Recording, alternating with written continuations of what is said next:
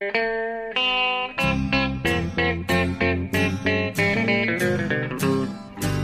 out there, we're on the air. It's hockey night tonight. Tension grows, the whistle blows, and the puck goes down the ice. The goalie jumps and the players bump, and the fans all go insane. Someone roars, Bobby scores at the good old hockey game. Oh, the good old hockey game is the best game you can name.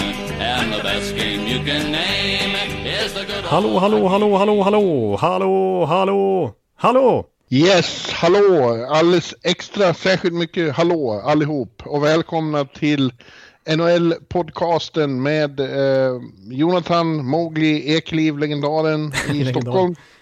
Och mig, eh, Per Bjurman, i ett eh, hett och fuktigt New York. Och det är inte vilket avsnitt som helst eh, vi ska ta och avhandla nu, utan till att börja med är det det sista för säsongen eh, 2018-2019, när vi knyter ihop allting. Och det råkar också vara sammanlagt det 250 avsnittet. Så det är jubileum här. Trum, trumvirvlar och fanfarer. Ja, nej det... Det känns ju lite extra speciellt att sitta här vid micken idag måste jag säga. 250 och så just sista avsnittet. Det är sjätte gången vi ska göra sånt här eh, långt maratonavsnitt när vi går igenom samtliga lag som det sista vi gör en poddsäsong. Ja, och det är bra tajmat att vi fick eh, till eh, 250 lagom till, till, till det här avsnittet. Eh, Det kan vara bra att vi missade någon när det gick någon vecka för mycket där. Så, Ja, just det. Lyssnarna blev upprörda. Vi kan säga att det var medvetet så här i efterhand. Ja, så, det var det väl kanske inte. Men vi hade hoppats att vi skulle hinna med klämma in 250 här innan. Herregud, jag har suttit 250 gånger med dig och pratat så Ja. mycket strunt. Ja, ja jag ber om ursäkt nästan. Men eh, Nej, men det, hur mycket är det? Alltså det är i snitt, eh, om man räknar in alla långa avsnitt så är det ju i över en timme i snitt. Ja, det är det ju. Det lär ju vara en timme och en kvart kanske till och med i snitt. Ja, Eh, gånger 250, jag orkar inte räkna, men det är väldigt många timmar i alla fall. ja det är det. Ja, det är Ja. tio, det är två, två veckor i sträck ungefär. Två och en halv vecka i sträck som, eh, om man skulle lyssna igenom alla dygnet runt. Ja, men jag tror ändå att det är bra terapi. Rekommenderas inte. Nej, visserligen inte, men på ett sätt är det lite terapi för en NHL-nörd att få snacka av sig en gång i veckan så är en timme långt avsnitt liksom. Det är perfekt tycker jag. Så att jag, jag, har, jag mår bra av det här som människa. Ja, det förstår det, det tvivlar jag inte på att du gör. Jag, såg just att du var omnämnd i, eh, såg du det? I ett Nej. brev som vår kollega Per Boman, eh, har- vi har ett, eh, ett litet nyhetsbrev till, plus, eh, till de som har plustjänst. Ja. Och det står om oss här och så står det om eh, Sportbladets Nestor Per Bjurman och hans lärling Jonathan Ekeliv. Just det. Ekeliv är landets nördigaste NHL-reporter och har bättre koll på alla spelare och klubbar än vad du har på dina barn. Ja, Ja, då är du det. eh, Det stämmer ju inte, kan jag säga. Men, eh, ja. Ja, du, får, du får prata med Boman Jag får prata med. Boman om hans syn på mig så att säga. Ja. ja, men hörru du, som du sa så blir det då en, en sammanfattning av eh, säsongen som har gått och eh, en liten blick framåt även om nästa, eller det stora, stora preview-avsnittet om några månader, det blir ju lika långt. Då ska vi gå igenom alla lag igen, men då blir det mer eh, framåtblickar bara. Exakt. Eh, nu, blir, nu blir det lite både och. Vi, ska, vi, vi kommer inte att orka eh, snöa in på varje lag jättelångt. Men, eh, men eh, eh, ja, lite, lite, lite ska vi alltid titta på samtliga 31. Ja, det kommer bli långt i alla fall. Och vi kan ju säga också att i det här preview-avsnitten så delar vi upp det på fyra. En division per avsnitt, så då hinner vi ju liksom, då har vi ju, då kanske det blir en kvart per lag. Men nu, vi får se hur långt det blir med varje lag. Men vi ska i alla fall prata om alla 31 och jag kan tänka mig att det tar minst två timmar här i alla fall. Vi får se, vi, vi säger varken det ena eller det andra. Vi fortsätter tills vi, inte, tills vi storknar. Ja, exakt. Och eh, vår vana trogen eh, så kör vi i bokstavsordning de här gångerna. Ja, alltså det vi är ju så pass, eh, vad ska man säga, konservativa. Så vi vågar oss inte på någon annan lösning. Nej. Och då börjar det alltid med Anaheim Ducks ute i, södra Kalifornien. Ja, Och de hade ingen rolig säsong. nej det kan man verkligen inte säga. Jag skulle nästan vilja kalla det som att de hade motsatsen till St. Louis Blues säsong. Eh, för att, jag menar, de börjar ju bra. De, eh, jag menar, John Gibb som storspelade under hösten och de låg ju faktiskt på slutspelsplats fortfarande när St. Louis låg sist där i början av året. Men eh, sen var de ju klappkassa, katastrofala. Det var ju så pass till och med att Bob Murray fick kliva ner själv i båset, general manager, och sparka ut Randy Carlisle och de slutade ju på en riktig bottenplacering. Ja, det var ju det stora problemet som jag ser det för Anaheim den här säsongen var ju att, att eh, Randy Carlisle alls var kvar när säsongen startade och att det sen tog så oerhört lång tid att ta det självklara beslutet att sparka honom. Ja. Eh, dels för hans alldeles för gammalmodiga syn på hockey och dels hade han uppenbarligen förlorat laget. Det var ingen som ville ha kvar honom längre. Nej, nej. Surgubben. Surgubben, ja. ja eh, så att det, det skedde för sent och sen när Murray själv gick ner i båset så var det ju mest en eh, formsak. Han ville ju bara som han uttryckte det själv, få en känsla för laget vad det var som har varit fel så det går att rätta till inför framtiden. Precis, och en grej han, som man kan säga som han eh, fick en känsla av, det var om man skulle skriva nytt kontrakt med Jakob Silverberg eller inte, som hade blivit UFA i sommar annars, men han Ja, under de veckorna så tyckte han, nej, det är värt att skriva ett långtidskontrakt på drygt 5 miljoner med Jakob Silverberg. Det var ju visserligen inte här nyligt, men det var ju på grund av att han själv klev ner i båset som han tog det beslutet. Ja, vilken fruktansvärd period de hade innan, innan det där hände. De var ju på någon roadtrip som var från helvetet. Ja. Eh, och, och förlorade, förlorade de tio i rad eller vad ja, var det? 12, Ingen, 12. 12 rad till och med. Ja. Ingenting fungerade. Riktigt bedrövligt. Det var ju så här 2-7 ena dagen och sen 1-8 eh, i princip. Det var ju totala förfall liksom. Ja, mycket värre än det borde vara med det spelarmaterial de har. Ja, för så riktigt illa är det inte. Eh, även om jag skulle vilja säga att det här var det här året som gick blev ju liksom slutpunkten för den klassiska Anaheim Ducks-kåren som har hållit ihop i decennium minst. Ja, eh, visst. Alltså Corey Perry blir alltså utköpt nu. Eh, Ryan Kessler. Eh, ja, han har gjort sitt. Han har gjort säkerhet. sitt. Han kommer förmodligen inte spela nästa säsong alls på grund av skadeproblem. Inte sluta, men inte kunna spela. Eh, och gjorde faktiskt bara åtta poäng. Det är hälften av vad Dan Girardi gjorde. Att... Ja, men det, det säger, då kommer han ju inte, det, det går ju inte att vara, eh, vad är han, 34, missa en hel säsong och sen komma tillbaka efter att ha varit skadad. Vi har sett det sista av Ryan Kessler. Ja, så är det. Fint tack, bra karriär, men en sur jävla typ alltså. det är inte din favorit. Nej, eh, när han och eh, Burrows och eh, Bjäxa regerade i Vancouver, då var, då var det, det var miner neråt där så fort man var i närheten av dem. Riktigt griniga typer. Oj, oj, oj. Ja, just mm. det. Jag kommer ihåg, det var ingen jättestark relation mellan Ryan Johansson och Ryan Kessler här för några år sedan i slutspelet heller, kommer ihåg. Det var inga, inte så fina ord som sades däremellan. Nej. Nej, men det är sant det du säger att, att uh, den, den enda som är kvar från den klassiska dagskärnan från några år sedan är ju då Ryan Getzlaw som har något år till i sig. Ja. Uh, samtidigt så har de ju gjort nästan ingenting här under off-season so far. Nej. De har inte skrivit ett enda nytt de har inte gjort några trader, de har inte signat några nya UFAs. An annat än Anthony Stolars från Flyers va? Ja, från Flyers via Edmonton avslutar han säsongen i. Och sen, ja, just det, de har tagit, alltså så här, Nicolas Delorier liksom, vi får se om han ens blir ordinarie. Det är den typen av spelare de har tagit in. Och de tog in eh, Charlotte Checkers Calder Cup MVP, eh, Potteralski. Som jag tror lite grann på sådär. Men det är, det är ju verkligen inga nämnvärda stora statement-förstärkningar de har gjort. Utan... Nej, de hoppas på den nya core som håller på och växer, har ju vuxit fram under Perry Getzlav under ett par år här med Raquel och, och Lindholm och, och, några till. Ja. Eh, samtidigt så de har ju också signat då nya coachen eh, Dallas Eakins. Dallas Eakins. Eh, som ju var ett väldigt hypat namn för några år sedan. Eh, men fick det otacksamma uppdraget att coacha Edmonton. Som ju har varit uncoachable. Ja. Som det har känts några år.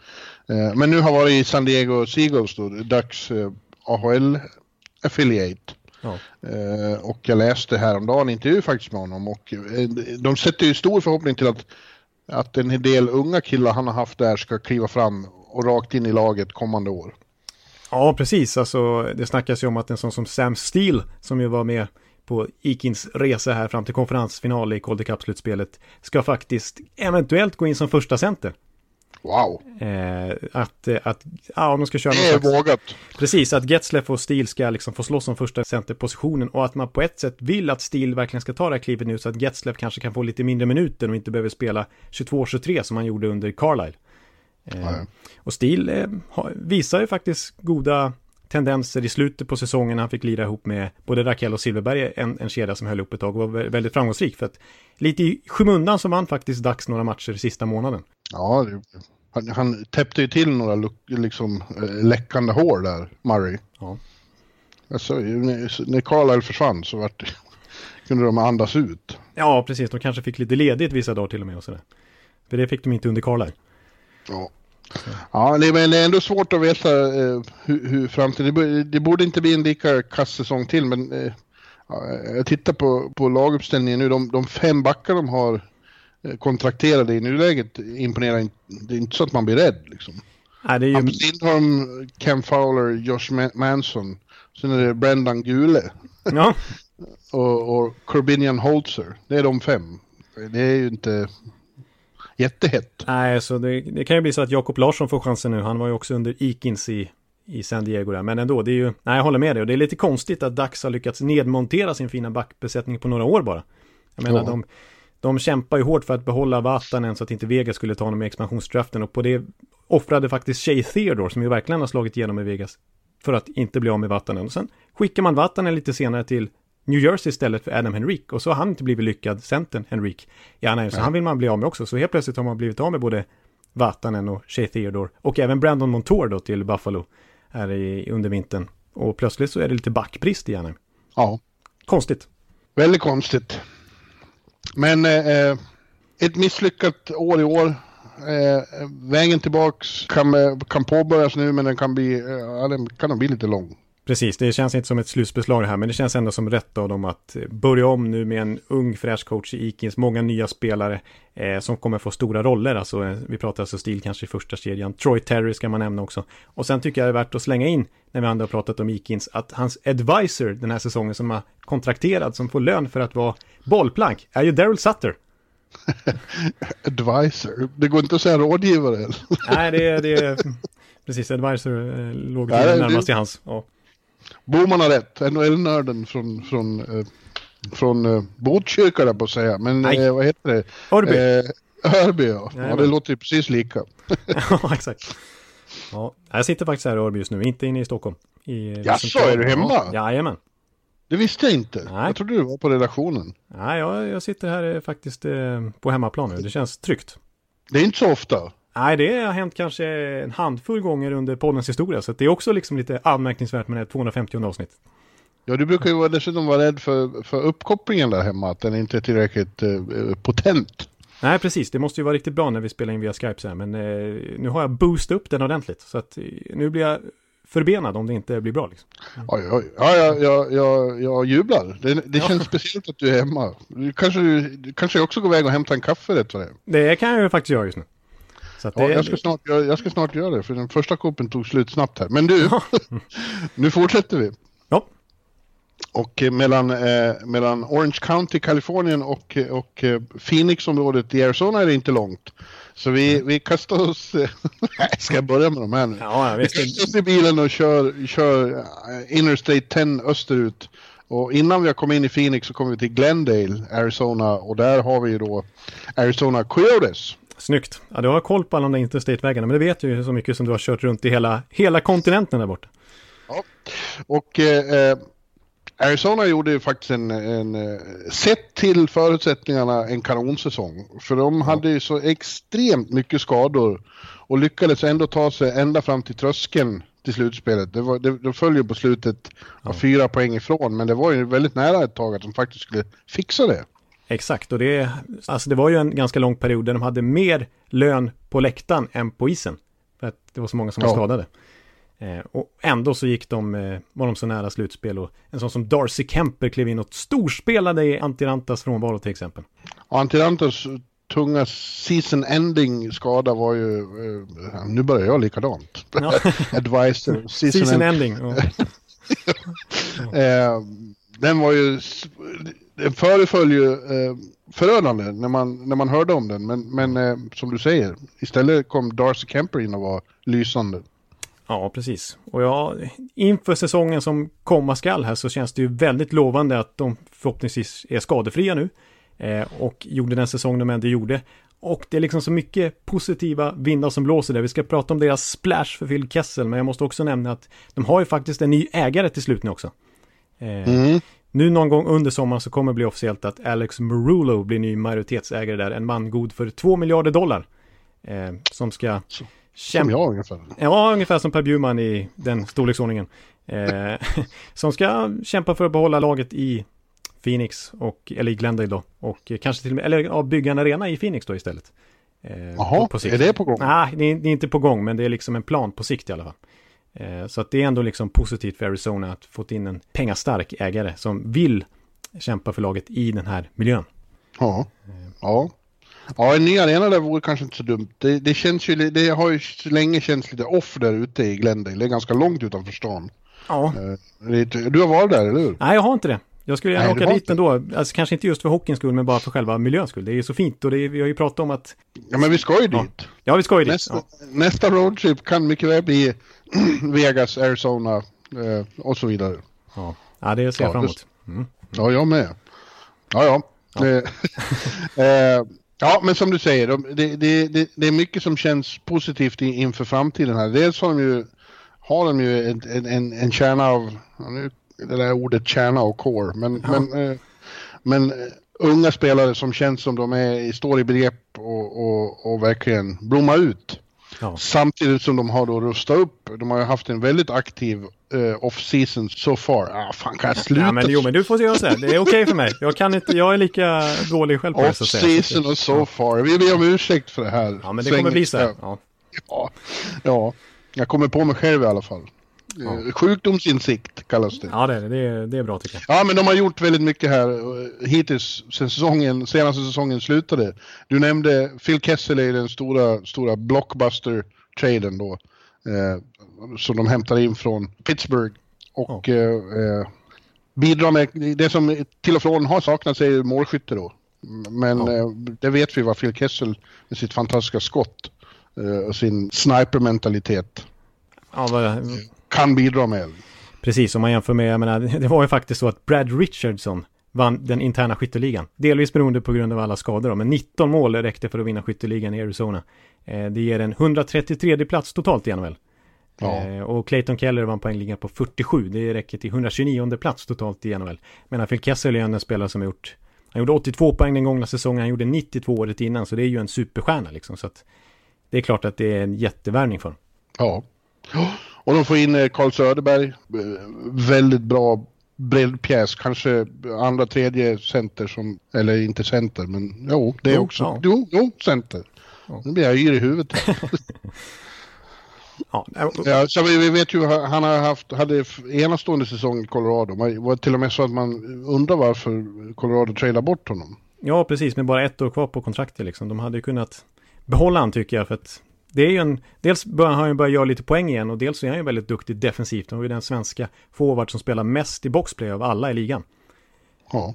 Och jag tänker att det blir skitsvårt att göra mål på Arizona den här säsongen, inte minst i boxplay, för redan förra året så hade de det bästa boxplayet i ligan, det delat bästa. Jag tror både Columbus och Tampa hade lika bra i grundserien, men eh, ändå. Och jag menar, en sån som Mikael Grabner, han var alltså plus 6 i boxplay på 100 minuters speltid ja, han är ju unik på det sättet.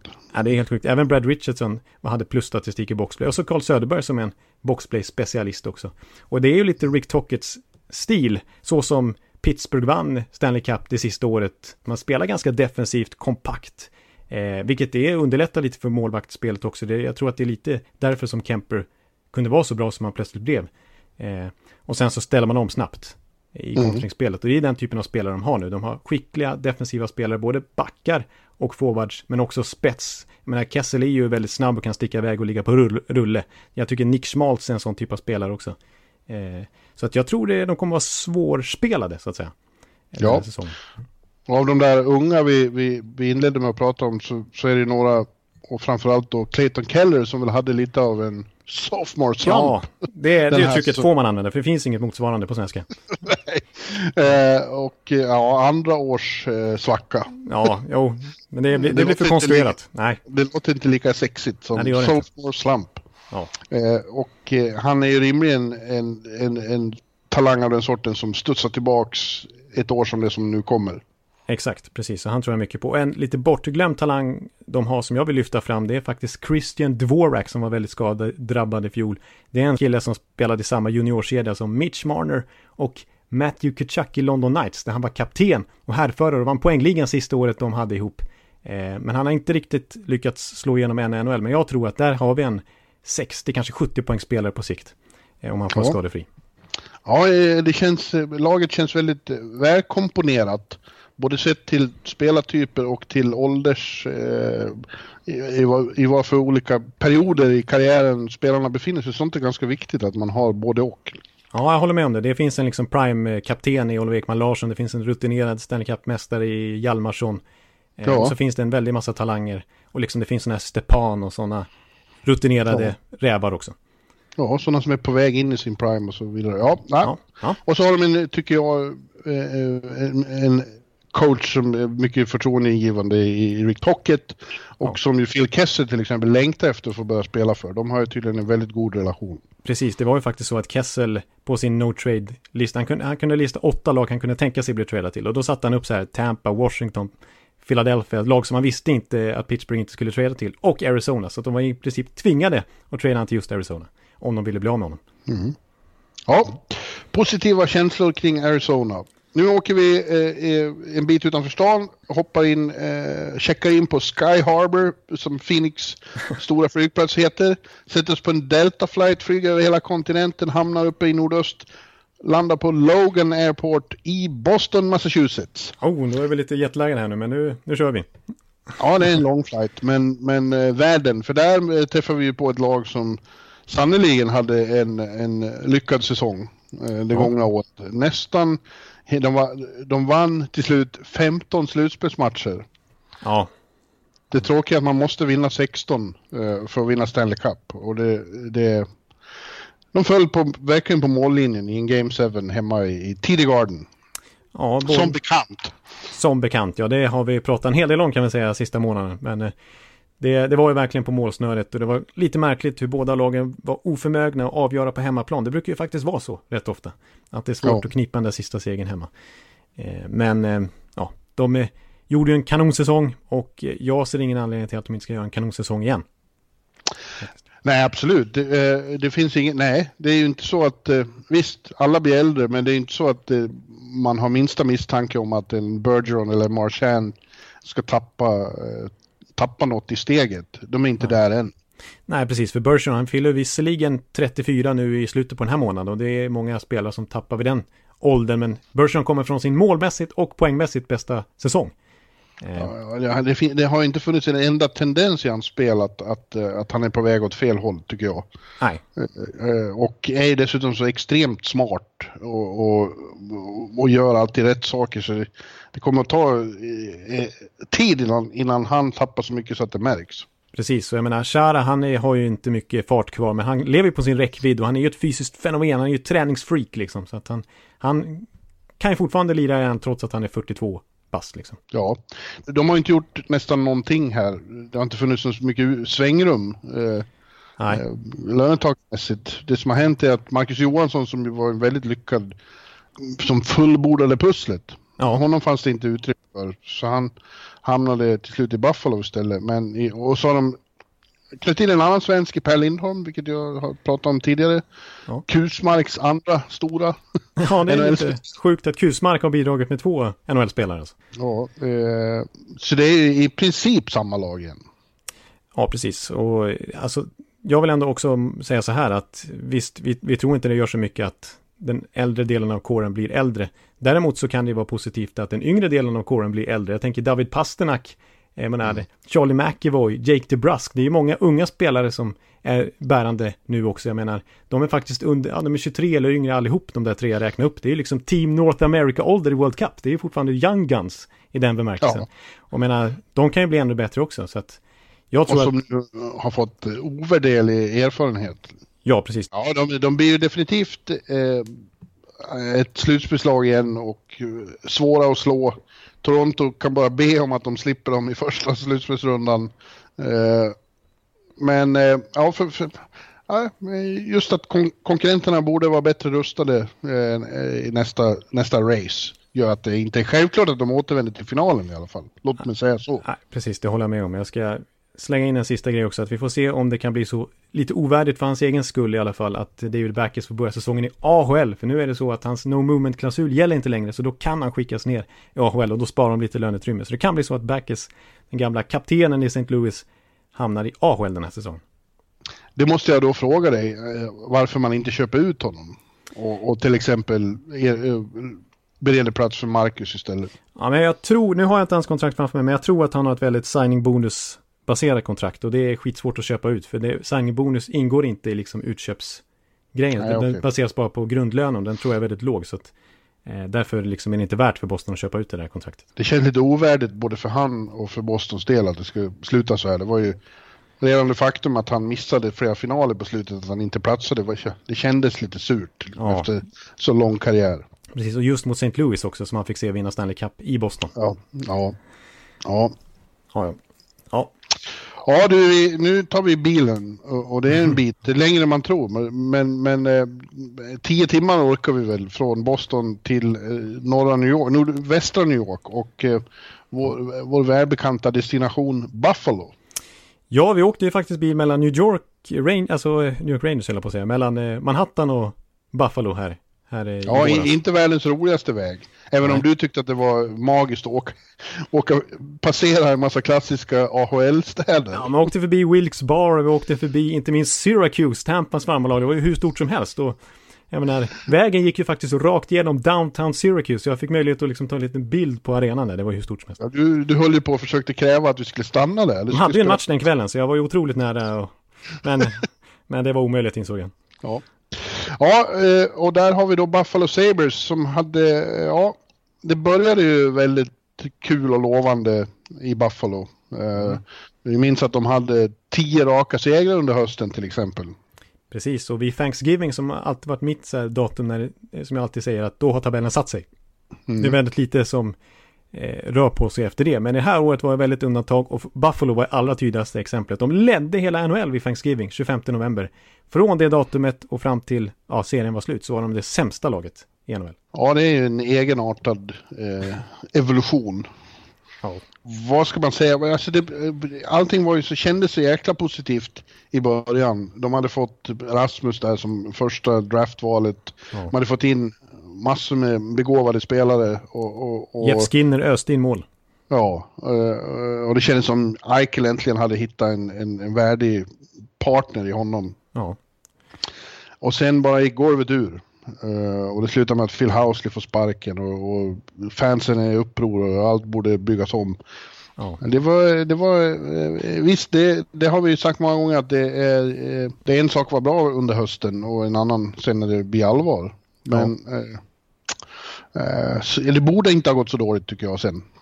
Nej, det var lite för stort förfall liksom. Eh, det är svårt att förklara men det är liksom lite, de är liksom lite Edmonton av öst.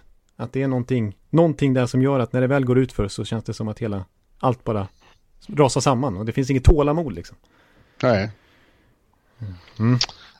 Ja, Housley fick sparken. Jag, jag tyckte, ja, det får man förstå när det, när det händer. Men jag tycker att han eh, är en bättre coach än vad, än vad resultatet under andra halvan av den här säsongen visar faktiskt. Eh, men men eh, det går natt och istället kommer då eh, vår tyske vän ja. Ralf Kryger in i bilden. Det är vågat av dem när, när de befinner sig i en, i en situation där det känns som, ja, vi måste ta den trygga vägen här för, för, för att skapa mer liksom, stadga i det här unga laget. Ja. Nej, men de, de, de, de vågar med Kryger. Ja, precis. Alltså, eh, från Southampton till NHL. Från Premier League till NHL. Ja. det är lite annorlunda, men eh, och visst, jag håller med. Det är ju en speciell karaktär också, Ralf Kryger, för att han sägs ju inte vara någon otrolig taktiker och det borde man ju vara när man är NHL-coach, utan att det som hans grej är att han är så otroligt karismatisk person som inkluderar spelarna och som är verkligen en players coach. Mm. Eh, och det var ju han väldigt framgångsrik med för Team Europe i World Cup, liksom, när alla verkligen slöt sig samman och, och spelade för honom nästan. Eh, och jag kommer ihåg att Thomas Vanek kallar honom för den mest sympatiska person han någonsin stött på. oj, oj. Ja, det, kan, det är stora ord och jag vet att nu liksom, han, han är ju färsk i sitt jobb här under sommaren och varit på development camp och vid draften och sådär. Han har, han har, det beror ju bara på att Thomas Warnick aldrig har träffat dig, Jonathan. Nej, det är just det. Det är ju det. det, det skulle jag säga, säga också faktiskt. Nej, men han har, han har liksom, nu är han redan superpolare med ismaskinisten där i träningsrinken och han är superpolare med, med, med ägarna och han har redan faktiskt blivit polare med Buffalo Bills coach, alltså NFL-lagets coach har han redan liksom tagit kontakt med och blivit kompis med. Så att han, han är ju den typen av, eh, han, vill bygga, han, hans ledarskap bygger på kommunikation. Ja. Eh, och det ska bli spännande att se hur, hur lyckat det blir. Han lyckades ju inte i Edmonton för en 5-6 år sedan, men det gör ju ingen. Det gjorde inte Dallas Eakins heller. Det gjorde inte Todd McLellan som var aktuell för det här jobbet i Buffalo också. Så att, eh, ja, det är en, ett spännande tränarval. Ja. Och en, eh, en del har hänt här under, under eh, sommaren. Mm. Som sagt, vi, vi Marcus Johansson eh, som det inte fick, eh, det hände, vi fick vänta lite på att han eh, blir lite orolig om han hade hamnat liksom offside och inte skulle få något eh, nytt kontrakt eh, av, av eh, den, värdig stor- sort. Nej, precis. Mm. Men nu blir det två år. Det är lite mindre kontrakt än han förtjänar efter sitt slutspel tycker jag. Men han, Ja. två år och hur mycket var det per säsong? Fem? Någonting. Fyra och en halv. Fyra och en halv. Ja. Han hade kunnat komma över fem tycker jag. Ja, jag tippade på det, men det var uppenbarligen så att folk, eh, klubbarna var lite rädda för hans hjärnskakningshistorik. Eh, och lät sig inte övertygas av det här fantastiska slutspelet han gjorde. Vilket ju var lite synd, för det är ju en skicklig spelare tycker jag. Som verkligen har kommit tillbaka nu efter sina skador. Men Ja, ja. Han, han, han imponerade väldigt på mig under slutspelet. De har även fått in eh, Jimmy Vesey, Makes It Looks Easy, från eh, New York Rangers.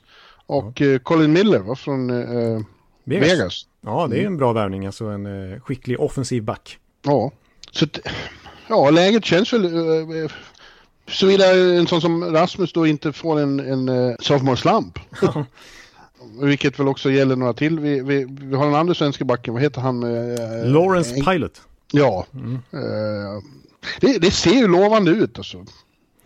Ja, för Om- de har ju inte tappat direkt någon. Det är ju så här eh, Jason Pomerville, men han vill de ändå inte behålla. Nej. Att, eh, eh, Och jag, jag måste säga, nu var det ju uppenbarligen en svag marknad för Marcus Johansson, men jag måste säga att det är ju, som både du och jag kom fram till, att det är ju ett kap att få han för 4,5 miljoner på två år. För annars så är det ju så här att när Buffalo värvar UFAs så brukar det vara för groteska summor. Jag menar, Jeff Skinner blir ju överbetald, men det är deras chans att behålla honom.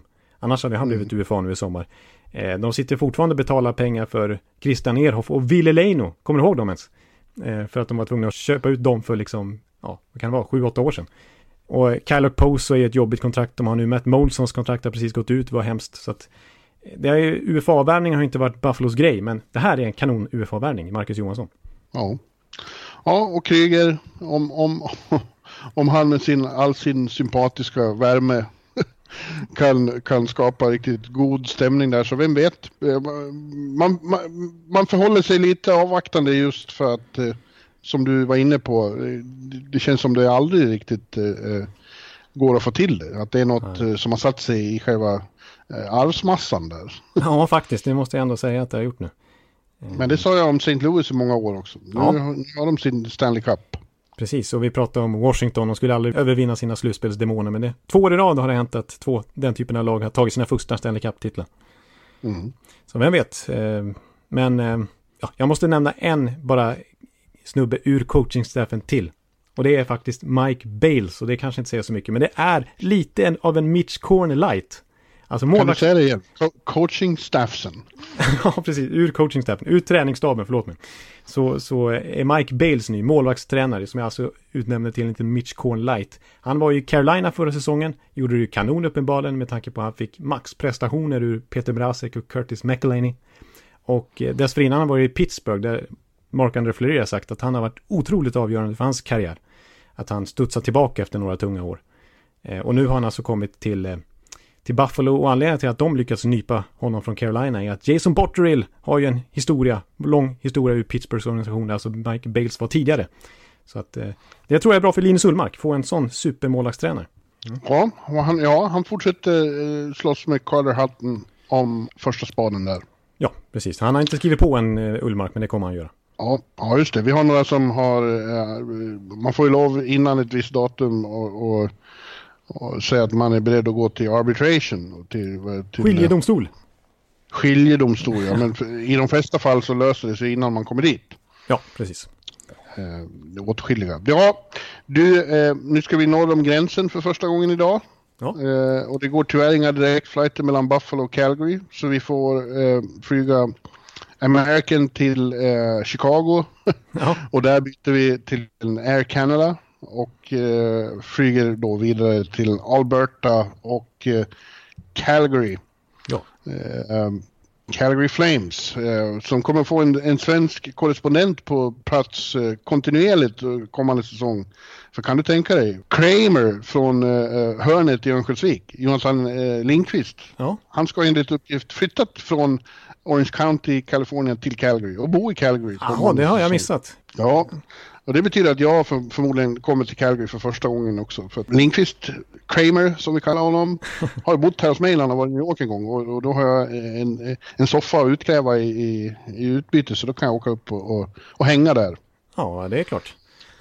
Ja, och vad det... får jag då se för lag? Eh, Ekan. Eh, de hade ju en suverän grundserie, man kan inte säga något annat, Flames. Nej. Men sen föll de ihop totalt i slutspelet. De vann en match mot, mot och vilka var de mötte nu? Colorado. Colorado. Mm. Och sen åkte de på fyra raka förluster. Ja, precis. Som sagt, de gjorde sin bästa grundserie sen Håkan Loops dagar på 80-talet. Eh, tog ju faktiskt 107 poäng och vann Western Conference. Ja. Eh, men sen tog det tvärstopp då. Eh, jag är lite orolig för typ, alltså, typ Gaudreau, slutspels då, för det här var andra året i rad han blev nollad i ett slutspel. Gjorde bara en assist i de här matcherna, blev ju totalt överkörd av Colorados första kedja med Nathan McKinnon. Alltså, ja. Jag tycker Gaudreau är kanske en lite sån spelare som är bra när han får ytor, men när det gäller att ta ytor, när det gäller att ta plats i ett slutspel, då var det lite skillnad på McKinnons spelstil kontra Gaudreau. Han, liksom, han försvinner liksom. Eh. Ja, det är, det är inget längre givet i att små spelare inte kan ta för sig i slutspelet också, men, men vissa kan inte och han har ju, han har ju hittills, eh, totalt har du rätt i det, varit en non-factor när det verkligen har dragit ihop sig. Istället blir vi grinig och klagat i media tycker jag. Och ja. så här. Likadant när han har varit i VM så har det varit, eh, det har blivit några VM-fan med tanke på att Calgary inte haft så framgångsrika år. Och där har han inte heller varit bra liksom i, i de viktiga matcherna. Då har han klagat på domaren och blivit sur och gjort lite efterslängar och sånt där. Så att eh, det är mm. någonting han måste jobba på. Nu, eh, jag läste någonstans, någon analytiker i, i Calgary-trakten skrev att eh, den här smällen i slutspelet var precis vad det här eh, lagbygget behövde för att det, det lärde de sig mycket av. Men jag vet inte det, det den här, eh, det här laget har ju, det har ju varit lika varje gång de har tagit sig till slutspel. De har ju, häromåret blev de ju svepta av, av Anaheim till exempel. Ja, just det. Ja, nej, uh, exakt. Det känns inte som första gången. Nej, så att jag vet inte jag. Nej, de, och... måste, de, de måste bevisa, de har mycket att bevisa. Ja, Grundserieartister har vi sett förr. och ja. eh, det finns ingen anledning att tvivla på, tveka om att de, att de kommer eh, lyckas igen i, ja. i grundserien. Men allt, eh, nu, nu har de hamnat i den här situationen som Washington förr och kanske Tampa nu ja, också. Ja, jag bara konstaterar det också. Mm. Att eh, eh, säsongen börjar i mitten av april. Ja, precis. Och en sån här eh, post som har varit ett frågetecken i många år, ända sedan Mika Kiprosovs dagar, det är ju målvaktsposten. Och mm. nu, nej, nu känns det inte som att man löser det igen, utan det är fortsatt en sån här lite, jaha, lösning. Med Mike Smith ut och Cam Talbot in. Eh, jag menar... Ja, verkligen. Edmonton och Calgary byter målvakter. Den byter är... målvaktsproblem, höll jag på att säga. Ja, ja den, den uh, höjer man på ena ögonbrynet åt. Ja. Säger what, what? Say what? Say what? Nej men det har ju varit liksom så här, Brian Elliott har de testat, det har varit Jonas Hiller, det har varit Kari Rämö. det, det är liksom inte... Vad har han tagit vägen? Rämö? Ja, det vet jag faktiskt inte. Han är ju inte så gammal så han kan nog fortfarande spela men, men eh, han kanske hänger i KHL någonstans. Mm. Jag vet inte. Ett, ett, eh, en outnyttjad resurs de har om han kan anpassa sig till livet i Calgary är James Neal. Han kom ju inför den gångna säsongen och var ett, var ett riktigt fiasko faktiskt. Verkligen. Mm. Och, eh, men tror du han kan eh, repa sig och komma tillbaka? Eller är James Neals karriär över? Det är ju nästan så. De har ju undersökt möjligheten att trada bort honom, men det går inte att trada bort ett sånt kontrakt. Så det de får hoppas på är ju att han hittar tillbaka. Så innan den här säsongen så hade han ju aldrig gått ifrån en säsong över ett decennium i NHL utan att ha gjort minst 20 mål. Så normalt sett har han ju varit väldigt jämn i sin produktion. Eh, och pålitlig, men just i år så funkar det inte alls. Eh, och en av anledningarna till att han kom till just Calgary var för att han ville hänga med sin polare Mike Smith, men han är ju borta nu också. Så eh, ah, ja, jag tror inte så mycket på James Neal, men det kan ju vara en, man vet ju aldrig, det har ju hänt förut eh, att spelare studsar tillbaka, men oftast inte i den åldern. Och lite, lite jobbigt nu för Calgary också, för just det kontraktet har ju gjort att de har knappt kunnat värva någon den här sommaren. För de ligger ju väldigt tajt mot lönetaket och de har fortfarande inte signat Matthew Kitchak på ett nytt kontrakt. Och han ska ju ha mycket med tanke på hur bra han har varit under sina tre första år i NHL. Han har ju till och med nämnts i, i, i den ongoing eh, spekulationerna om, om fler offer sheets. Ja, precis. Någon skulle kunna ställa till det ordentligt för Calgary med ett bra offer sheet där. Exakt, för eh, lägger de det på honom då måste de förmodligen eh, ja, kämpa för att klämma in det nya eh, Kitchak-kontraktet. Eh, de vill nog skriva det här kontraktet själv så de får bestämma de ekonomiska premisserna. Ja. Eh. Vi säger show us the money Calgary. Innan ni har gjort det så tror vi inte riktigt på er. Nej, nej. Annat än i grundserien. Du, nu ska jag gå och hämta kaffe för vi har en väldigt lång flight framför oss. Oh ja. du, du, kanske kan prata lite om eh, vad du tror om eh, Elias Lindholm och, och, som hade en breakthrough-säsong. Kommer det gå lika bra igen? Jag återkommer ja, snart. Ja. ja, nej men det kan, det kan absolut gå eh, lika bra för Elias Lindholm igen. Eh, det var ju en extrem metamorfos i hans karriär. Eh, alltså att gå från en 40 poängspelare till en point per game-spelare, liksom 80 poäng. Han vann ju faktiskt den svenska poängligan sensationellt nog. Eh, men spelar man i den omgivningen som han gjorde med Gaudreau och Monahan, det är klart att man kommer vara bra. Men, som jag påtalar många gånger under säsongen, Gaudreau gjorde ju poängrekord när han fick spela med Elias Lindholm och Monahan också, så att det var verkligen en synergi.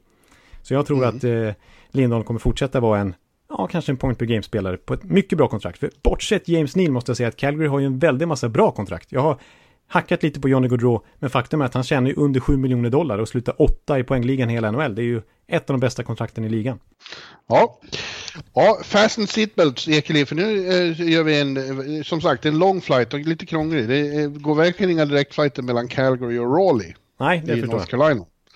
Så jag tror vi flyger till Toronto med Air Canada och byter där och, och, och sen är det risk för att det är till och med ett till byte. Men, men eh, eventually så landar vi alltså i i Raleigh, North Carolina, där vi har eh, ett, ett, en av de stora attraktionerna den gångna säsongen på många sätt ja. i, i Carolina Hurricanes. The Bunch of Jerks. Ja, som, som bjöd på mer underhållning eh, än de flesta andra. Och då tänker vi inte bara på hockeyn i sig, utan på hur de, hur de eh, hade kul med sin publik och hur de firade sina segrar och hur de reagerade när surgubbar eh, klagar på dem och så vidare. Ja.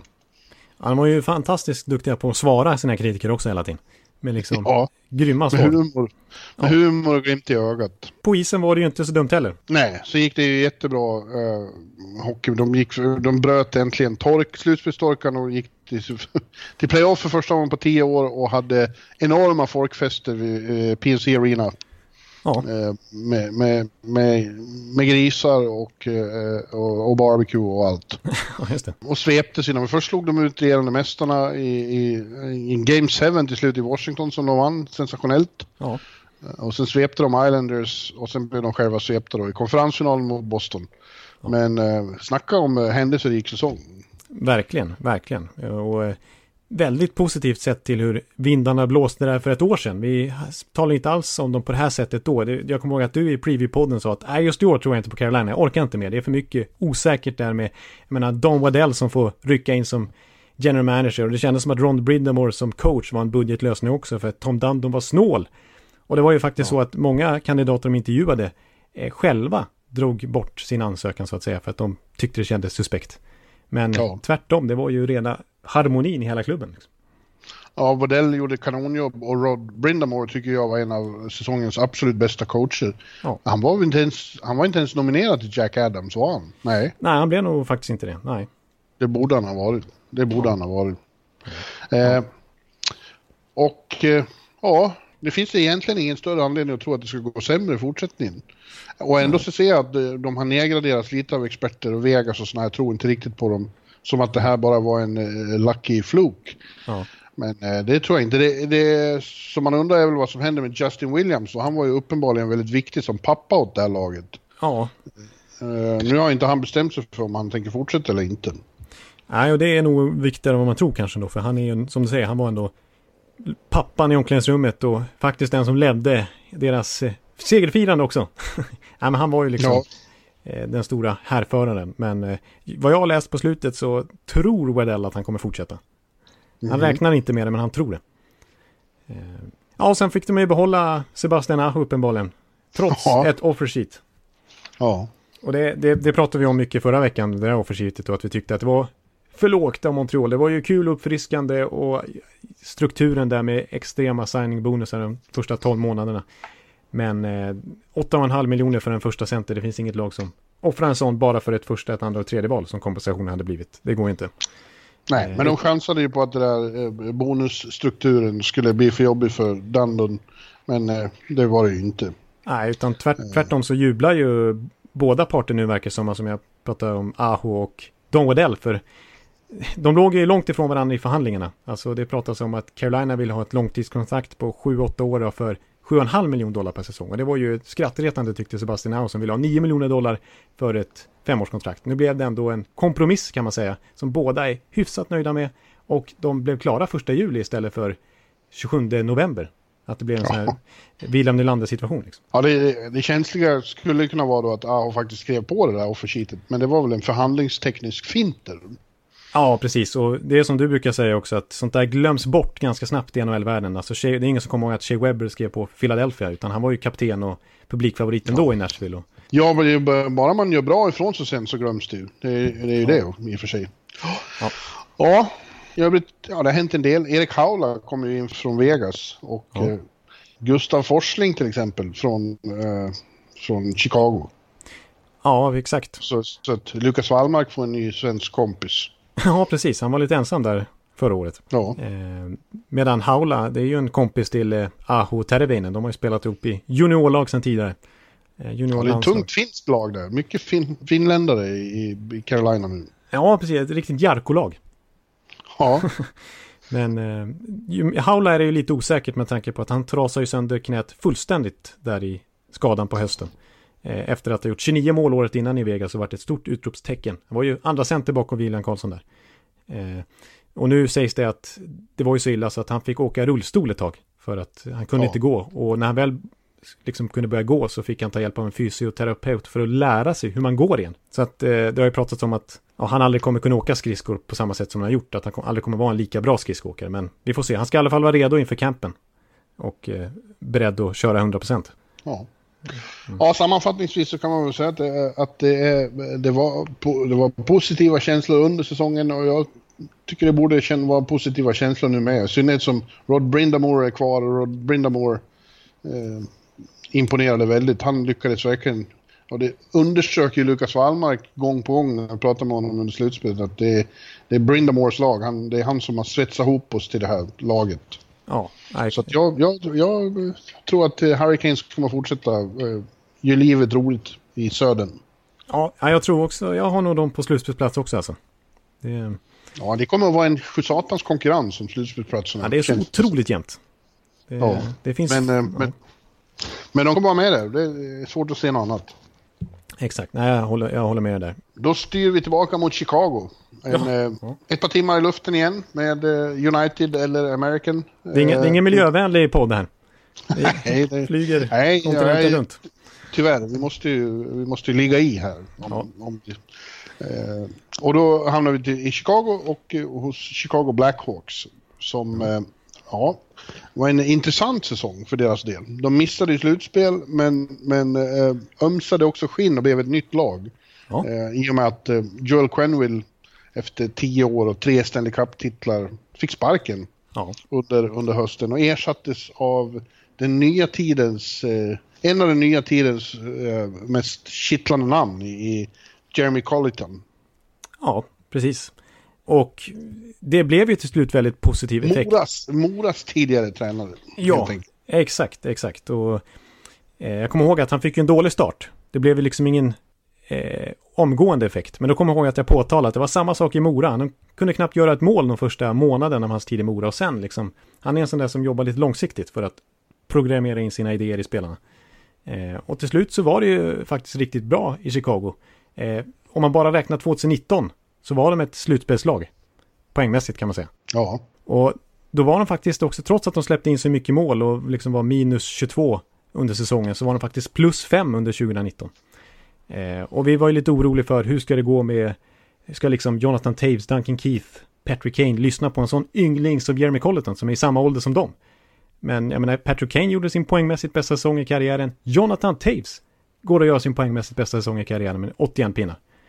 Så att det... Ja, det är anmärkningsvärt. Exakt, samtidigt som en sån som Alex the Brinkat går in och gör 40 mål och Dylan Strome slår igenom till slut och så, så att, eh, Det var mycket positivt när Colton till slut, till slut blev det så i alla fall, när sen han tog över.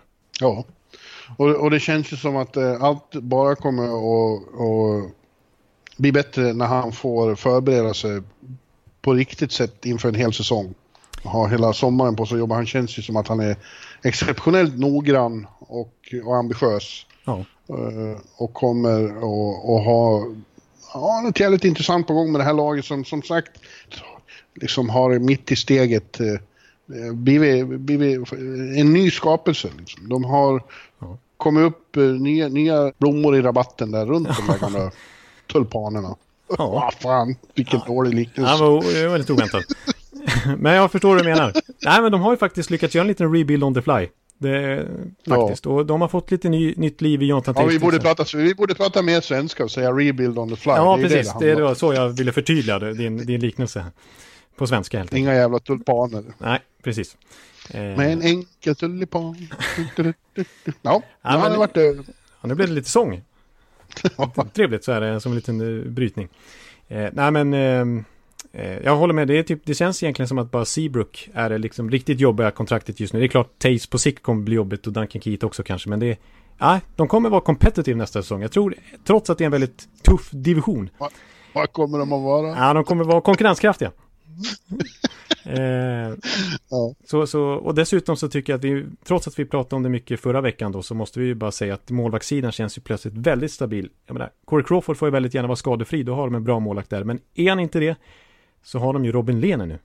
Ja, eh, som det har de. Ändå kanske kan bli första målvakt. Så att eh, det, det, känns ju som att de kommer släppa in mindre mål den här säsongen.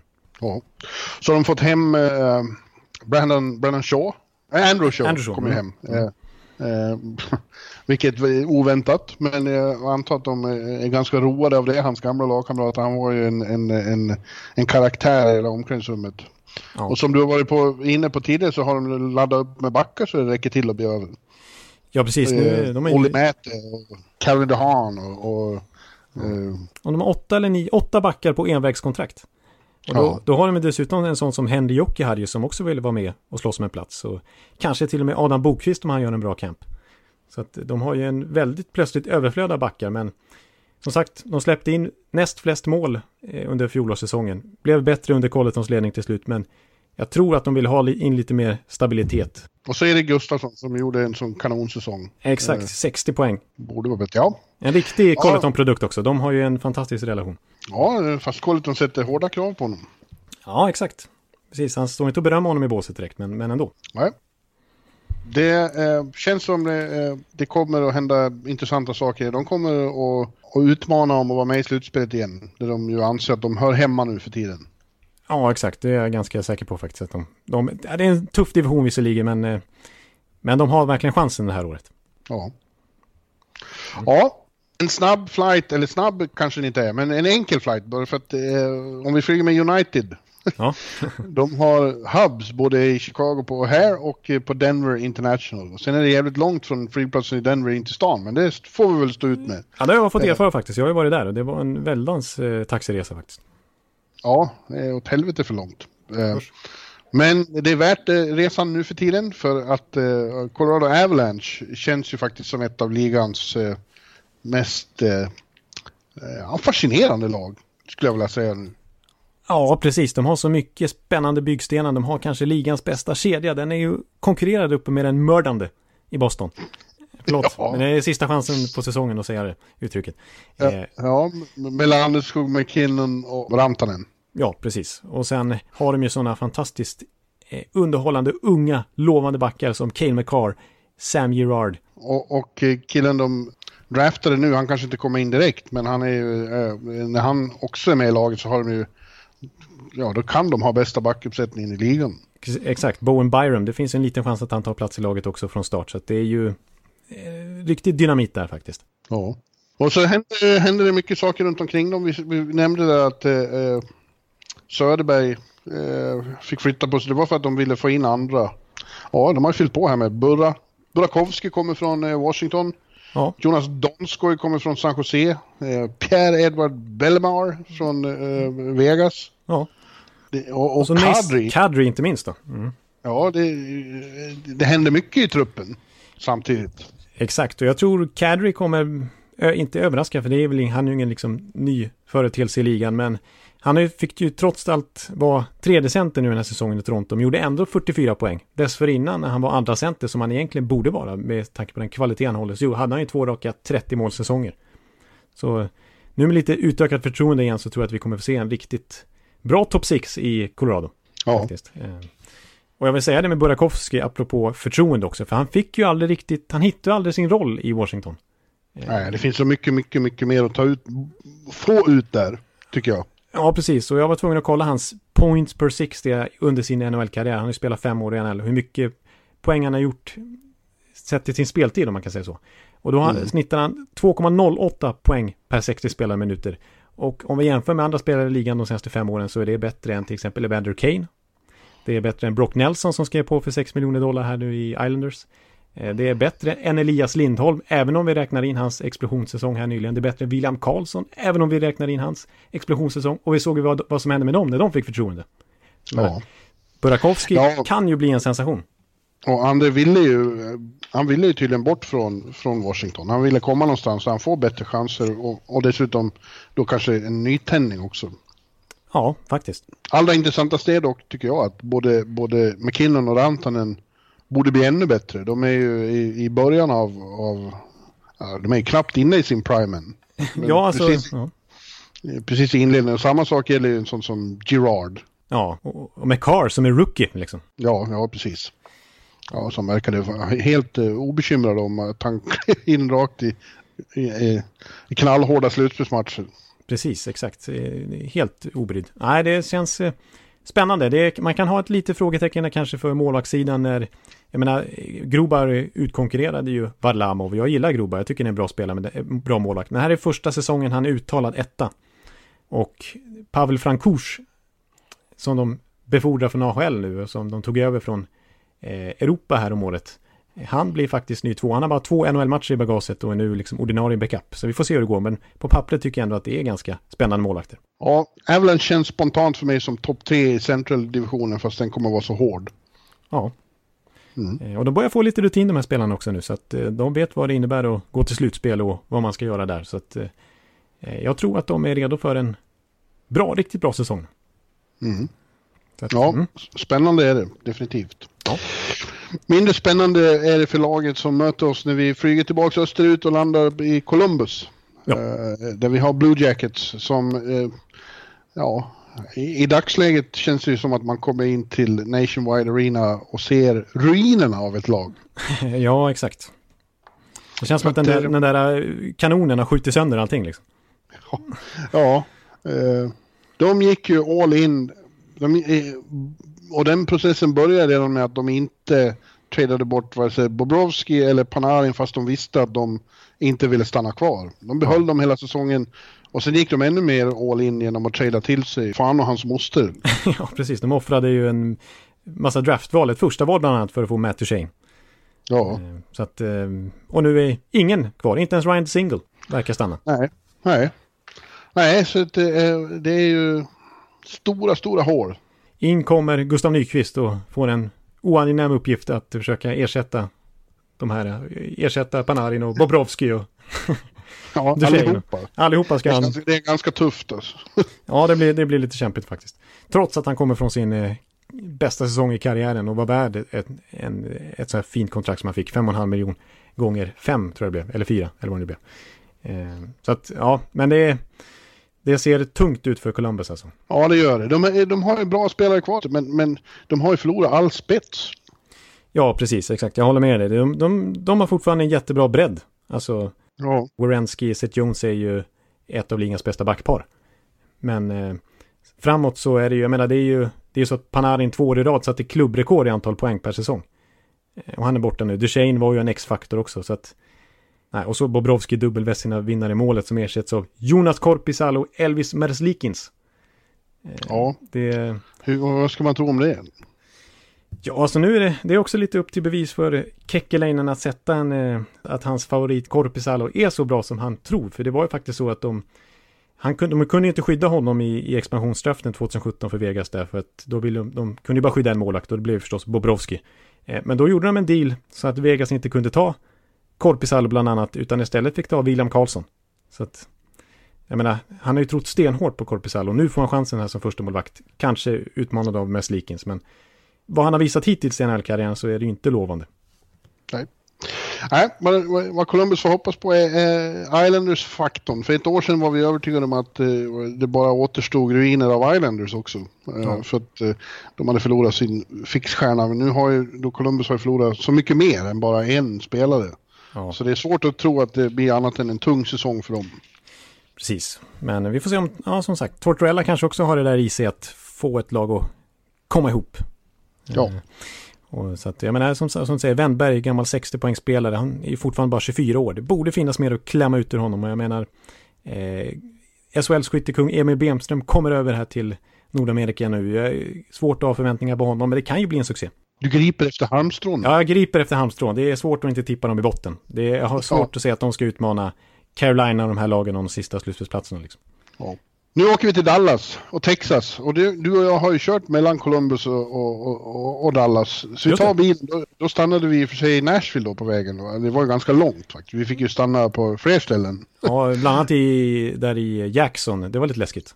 I, Ja, det var inte så kul. Nej. Så vi åker förbi det. Ja, ja vi kör raka vägen till Dallas. Ja. Och där har vi också ett lag som känns extremt, eh, man har fått extremt positiva vibbar av Dallas Stars. De hade en utsökt säsong redan den gångna och har rustat ännu mer nu under sommaren. Och, och eh, de är en contender if I ever saw one. Ja, Oj. faktiskt. Det är snyggt. Ja, jag, jag skulle nog faktiskt hålla dem kanske som the team to beat i eh, väst. Ja, För att, de har, de har ju eh, nästan allt nu. Som man ska ha. precis, de har en kanonbra målvakt i Ben Bishop som ju var fantastisk den här säsongen och i slutspelet och inte är för gammal fortfarande. Eh, Och dessutom har kanske bästa, en av de bästa backup, backup-målvakterna i Kudobin bakom honom. Ja, som också verkligen gjorde en bra säsong och gjorde det bra dessförinnan i Boston också. Så han är ju en bra backup. Eh, Ja. Och som backsida då med John Klingberg som de har på ett fantastiskt kontrakt. Han tjänar ju bara drygt 4 miljoner dollar per säsong. Är värd det dubbla minst. Om man skulle gå Ja. ut på öppna marknaden nu. De har en Heiskanen som kan vara en Norris Trophy-vinnare inom tre år. Och så framåt då så har de ju sina eh, Ben och Seggin och Radulov. Och nu dessutom Pavelski. ja. Eh, så att, mm, Och Corey Perry då, det är väl mer en, ja, det är en chansning som vi pratade om förra veckan, men, men han... eh, det kostar eh, inget. Nej, en, en bra chansning. Ja, samma sak med André Sekera som är likadan, utköpt från Edmonton men som de tar in på ett billigt ettårskontrakt och som kanske har lite hockey kvar i sig. Men man vet inte. Och en massa sp- otroligt spännande finländare i, med Miro Heiskanen i första rummet, men även, även Roope Hintz som Ja. blev en favorit för väldigt många eh, under andra halvan av säsongen, inte minst slutspelet. Ja, honom är jag otroligt förtjust i. En eh, kul spelare som det händer mycket saker kring. Han Ja. liksom, tar för sig på isen. Eh, Så att eh, det, de har ju liksom en, en kanon, om de behåller första kedjan med Radulov, Ben, Seguin så kan de ju ha en ny andra kedja med Pavelski, Hintz förstås och kanske Jan Mark eller någonting. Ja, Och det känns ju spännande. Jag menar, det var som vi var inne på förra veckan också, att de var ju alltså bara ett double overtime mål i Game 7 ifrån att slå ut Stanley Cup-mästarna St. Louis. ja. De var nästan där redan i, i fjol. ja, en härlig contender, Dallas. De kommer bli bra. Och, ja, det kommer de. Vi kommer tillbaks till, till våra vänner eh, Longhorn-kossorna där i, i Fort Worth. ja, just det. Just det. Så du kan ropa åt dem. Det är Roman Polak står. Roman Polak är ju kvar också. Precis. Roman. Roman. Roman. Ja, nej, eh, bara, bara vi, vi står upp och applåderar Dallas. Eller hur? Ja, vi står här. De får en stående applåd. Jag står i Ja. Örby. Härligt Jim Nill. Han kan inte sitta still när vi andra äter potatis och sill. Oj, oj. Han vill så gärna göra en contender av det här laget. Oj, oj, oj, vilken, vilken, var, var det julrim mitt i sommaren? Ja, det var ju väldigt konstigt. Men eh, ja, ja. Jag står för det. Ja. Jim Nill, han var ju tidigare i Detroit och dit ska vi nu. Det var en snygg övergång. en, ja, det är en ganska eh, klockren Delta flight upp till eh, Detroit eh, ute i Wayne County där. Det är deras, en av deras stora hubbar. Ja, just det. Så att vi landar eh, smidigt och fint i Detroit. Men där, där sätter vi armarna i kors över bröstet och säger hmm. Ja, alltså jag, jag är ju en believer of the ISOR plan. Nu pratar jag engelska igen, men jag har lärt mig att lita på vad han gör för någonting. Och den här sommaren har han knappt gjort någonting när han är liksom ny i Detroit och ska göra ett statement trodde man. Men nej, han eh, tar in Valtteri Filppula liksom. Ja, Eh, och, och, eh, och Nemet. ja, precis. Och så får det vara typ bra så ungefär. Ja, det är därför jag har armarna i kors här över bröstkorgen och undrar, verkligen? Ja, men, men jag känner så här att eh, hur ska de kunna, de har 24 poäng från slutspelsplats den här säsongen som gick och hur ska de kunna utmana om en slutspelsplats i den här Atlantic-divisionen när fortfarande Tampa, Toronto och Boston är så konkurrenskraftiga, säger jag nu istället för competitive. Och så har vi ett Florida på frammarsch, vi har ett Buffalo på frammarsch, vi har ett Montreal faktiskt på frammarsch skulle jag säga också. Ja. Eh, Detroit, det är bäst för dem att, att fortsätta rebuilda. Och jag menar, kollar man faktiskt på deras eh, topp 5 i poängligan, interna poängligan förra säsongen, så var det Dylan Larkin, del i nya kärnan, Andreas Athanasio, del i nya kärnan, Gustav Nyqvist borta, men sen var det Anthony Manta och det var Tyler Bertuzzi. Eh, Så det är ju liksom det här nya Detroit-laget som håller på att formas. De har några år kvar på några jobbiga kontrakt som Abdelkader till exempel, men snart går de ut och då kan de börja satsa på riktigt. Så att jag tycker det är rätt att fortsätta liksom inte göra så mycket, utan nu kanske man har chansen att, att ge Filip Sadina en plats i laget när den här säsongen börjar. Ja, jag, jag, jag tittar på, på laguppställningen och, och blir lite... Jag blir lite brydd av att det som var ett sånt... eh, De hade så många favoriter, blågula favoriter, det är knappt några kvar längre. Vi får se hur det blir med Kronwall. Han, Eisenman har ju sagt att han får hela sommaren på sig att besluta om han vill fortsätta eller inte. Nej, precis. Ja. Det- Får vi se. Det är väl det där att eh, Niklas skulle spela tusende matchen då. Ja, precis. Han har väl 40 kvar och sånt där. Så det kommer han ju uppfylla om han kör ett år till. Ja. Ja, men jag tror som du, det blir ju inget, eh, det skulle vara oerhört förvånande om de eh, är med och utmanar om slutspelsplatser i, i Atlantic. Ja. Eh, utan, ja, de får stå på tillväxt och, och Eisenman får, får svinga sitt trollspö så får vi se vad som händer. Precis, men han har faktiskt sagt att det är vi, vi ska liksom drafta oss till framgång. Och de har haft väldigt mycket draftval här nu i draften som var och kommande drafter också. Och eh, kollar man på till exempel det Tampa-bygge han byggde upp, så förra säsongen som gick här så hade man bara två, man hade inte en enda forward som man har tagit in som free agent. Samtliga var egenfostrade spelare om man kan säga så. Bortsett Callahan och Miller som han har tradat till sig från Rangers. Eh, Så att jag tror han vill göra något liknande med Detroit här liksom. Det, Ja. det, det ska draftas ihop ett bra lag på sikt. Vi får vänta på att det blir slutspelshockey i den där fina arenan. Ja, precis. Det är en av NHLs finaste. Ja, det är det. En annan finns i Edmonton dit vi tar oss nu och nu orkar jag inte hålla på med flyget just nu. Eh, Nej. Vi, vi tar oss till Alberta igen, där vi har Edmonton Oilers. Mm. Som vi har redan nämnt ett par gånger om hur det aldrig verkar hjälpa vad de än gör. Nu, Nej. nu testar de med en eh, general manager utifrån, inte precis ung, utan de tar in eh, eh, namnet, namnet har bara försvunnit. Ken Holland. Ken Holland ja. Ja. Ja, förlåt. Från just Detroit. Ja, eh, och han har anlitat Dave Tippett Mm. som coach. Eh, det är ju old school gossar Ja.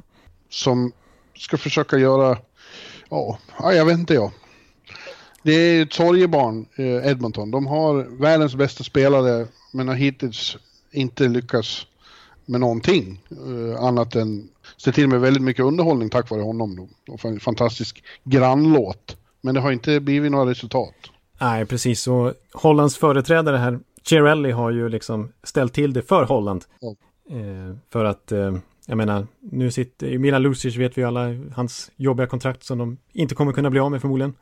Eh, och sen liksom, ända in i det sista tills han fick sparken så fortsatte han ju att fucka upp det lite grann med en sån som Brandon Manning som sitter och tjänar drygt 2 miljoner dollar per säsong och blev nedskickad till AHL i slutet av säsongen. Han går ju inte att trada bort heller, så de har ju inget löneutrymme att ta in nya spelare med. Eh, utan de sitter ju fast med gamla dåliga UFA-värvningar och trader och sådär. Ja. Eh, jag såg en liksom, slående his- statistik för hur ensam McDavid är i Edmonton under hans tre, fyra år som han har varit där. Eh, med McDavid på isen 5 mot 5 så har de gjort, alltså hans, den kedjan som han har spelat i har gjort 235 mål eh, de här åren eh, och släppt in 183. Det vill säga en målskillnad på plus 52. När McDavid inte varit på isen i 5 mot 5 då har de gjort 240 mål, det vill säga bara fem mål fler för de tre andra kedjorna. Eh, men släppt in 311, minus 71. Så att eh, det är ja. liksom, han är ju hela Edmonton och han har ingen hjälp alls. Trots att eh, liksom Dreisaitl också gjorde faktiskt över 100 poäng den här säsongen. Men det var ju när han fick spela med McDavid. Ja. Ja, nej, det, och just, ja, tippet är en, en, en väldigt begåvad coach, men han kan ju inte trolla med knäna. Nej, precis. Det är, det är liksom, och Mike Smith i målet känns ju inte som en enorm uppgradering som vi är inne på heller. Nej, och, och det, är, det är ganska typiskt, att, att, typiskt Edmonton att det har Ken Holland har fått börja med den här Jesse Puljärvi eh. Ja, ja.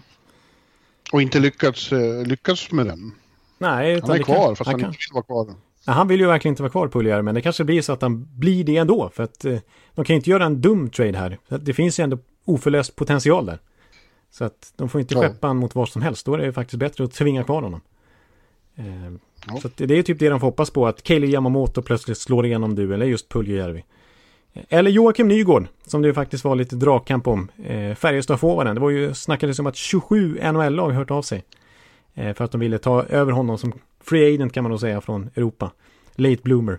Och det ska bli lite kul att se vad han kan göra på NHL-nivå. Hur långt hans speed räcker och hans eh, ändå spelintelligens som varit väldigt frapperande på SHL-nivå.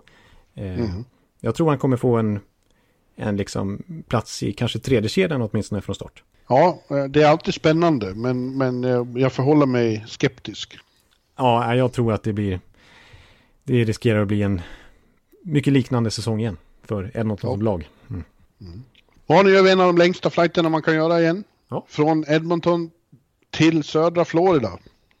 Ja. Uh, landar Fort Lauderdale och tar oss ut till Sunrise. Där en samling pantrar väntar på att få, få, få sätta tänderna i, i några byten. Och, uh, ja, säsongen som gick var en besvikelse. Men mm. det, det roliga, eller det som väcker hoppet är det som har hänt efter säsongen. Ja. De har knutit till sig Joel Quenville som coach. Och ja. de håller på att rusta upp och ser, ja det ser väldigt bra ut i Florida. Låt oss uh, slå fast det. Det måste vi säga, eh, verkligen. Och jag vill börja allra högst upp i toppen bara i, av organisationen och säga att de har ju faktiskt också nu en, en riktigt stark ägare på plats i Vincent Viola. Som ju har en väldig massa mm. miljarder dollar. Men han har ju ägt laget eh, ett Ja, men nu, jo, det har, det har han gjort det visserligen några år. Men, men det känns stabilare där nu och han har liksom börjat investera. Mm. Eh, och tackade ju nej till att ingå i Donald Trumps regering. Eh, faktiskt. Jag menar, nu skriver man kontrakt med Sergej Bobrovski, det dyraste i klubbens historia. 10 miljoner dollar per säsong. Jag har ju mm. pratat om att jag på sikt kan se att det kanske är dumt, men om vi bara ser till den kommande säsongen här så känns det ju väldigt mycket mer betryggande försvarsmässigt att ha Bobrovski i kassen, att ha Joel Quenneville som coach, inte minst med radarpartnern Mike Kitchen som defensivt ansvarig. Och så Anton Strålman som kommer in också och fyller på deras topp fyra i backbesättningen. Ja, från eh, längre norrut i Florida. Det fanns inte plats för honom i, i Tampa längre. Jag pratade med honom några dagar efter vi hade spelat in det här. Han, han eh, hade ju helst velat stanna i Tampa men insåg att det inte gick och var tacksam för att han fick beskedet tidigt. Och ja. eh, var beredd när Florida hörde av sig och, och och han, ja, som han uttryckte, jag har fått samma känsla som när jag kom till Tampa. Så. Vi befinner oss i samma situation som Lightning befann sig då. Ja, det är, det är någonting som är på väg att lyfta. Ja, att han kanske kan vara en bidragande orsak till att det kommer liksom det där lyftet. Ja, han kommer väl förhoppningsvis och förmodligen att bidra med mer eh, eh, defensiv stabilitet. Det var väl lite det som saknades eh, igen senast, senaste året. Exakt, för grejen var att man kan skylla på målvakterna. De hade näst sämst räddningsprocent i hela ligan och Longo med sina skadeproblem och Reimer som inte alls var bra. Men nu får de alltså Bobrovski. Men även, man kan verkligen skylla på försvarsspelet också, att de släppte in så mycket mål. De hade flest giveaways i hela ligan. Ja. Eh, och eh, Strålman är ju inte en sån som slänger bort puckar, utan han är en sån Nej. som verkligen distribuerar på ett stabilt och tryggt sätt. Eh, och vi ser ju hur mycket en coach kan göra med en defensiv också i Barry Trotz till exempel. Så att Joel Quenville och Mike Kitchen kommer nog få ordning på det. Ja, det kommer bli maktkamp i Florida, vem som är bäst i delstaten, äntligen. Ja, nu känns det faktiskt som att det är två stycken väldigt starka lag här. Som Ja. går för det. Båda lagen är verkligen inne i en sån mode. Eh, och jag, jag vill lägga till också, visst det blev ingen Panarin, men de har fortfarande kvar sin fina topp 6 där med eh, ja, Huberdeau och Barkov och Dadonov och Trocek och eh, alla möjliga där, eh, Hoffman.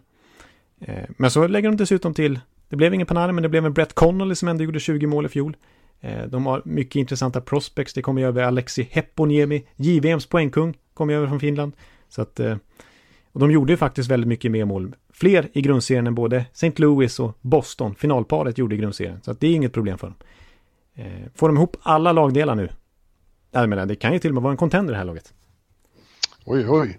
Eh, ja, jag, jag sträcker mig inte så långt. Jag sträcker mig så att det, det är ett, eh, det är ett slutspelslag. Ja, ja ja, jag säger, jag säger... Ja, Du säger Stanley Cup. Jag säger Stanley Cup. Nej då, det vill jag inte säga om, om Florida Panthers. Det går inte. Det vore ju... Så kan jag inte hålla på. Men eh, ett slutspelslag, det är de nu mera. Lillebror. Borde vara, borde vara.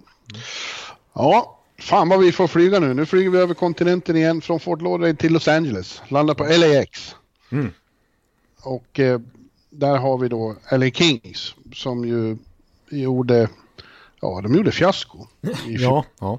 De trodde själva att de fortfarande, de hade en, en väldigt underlig självbild.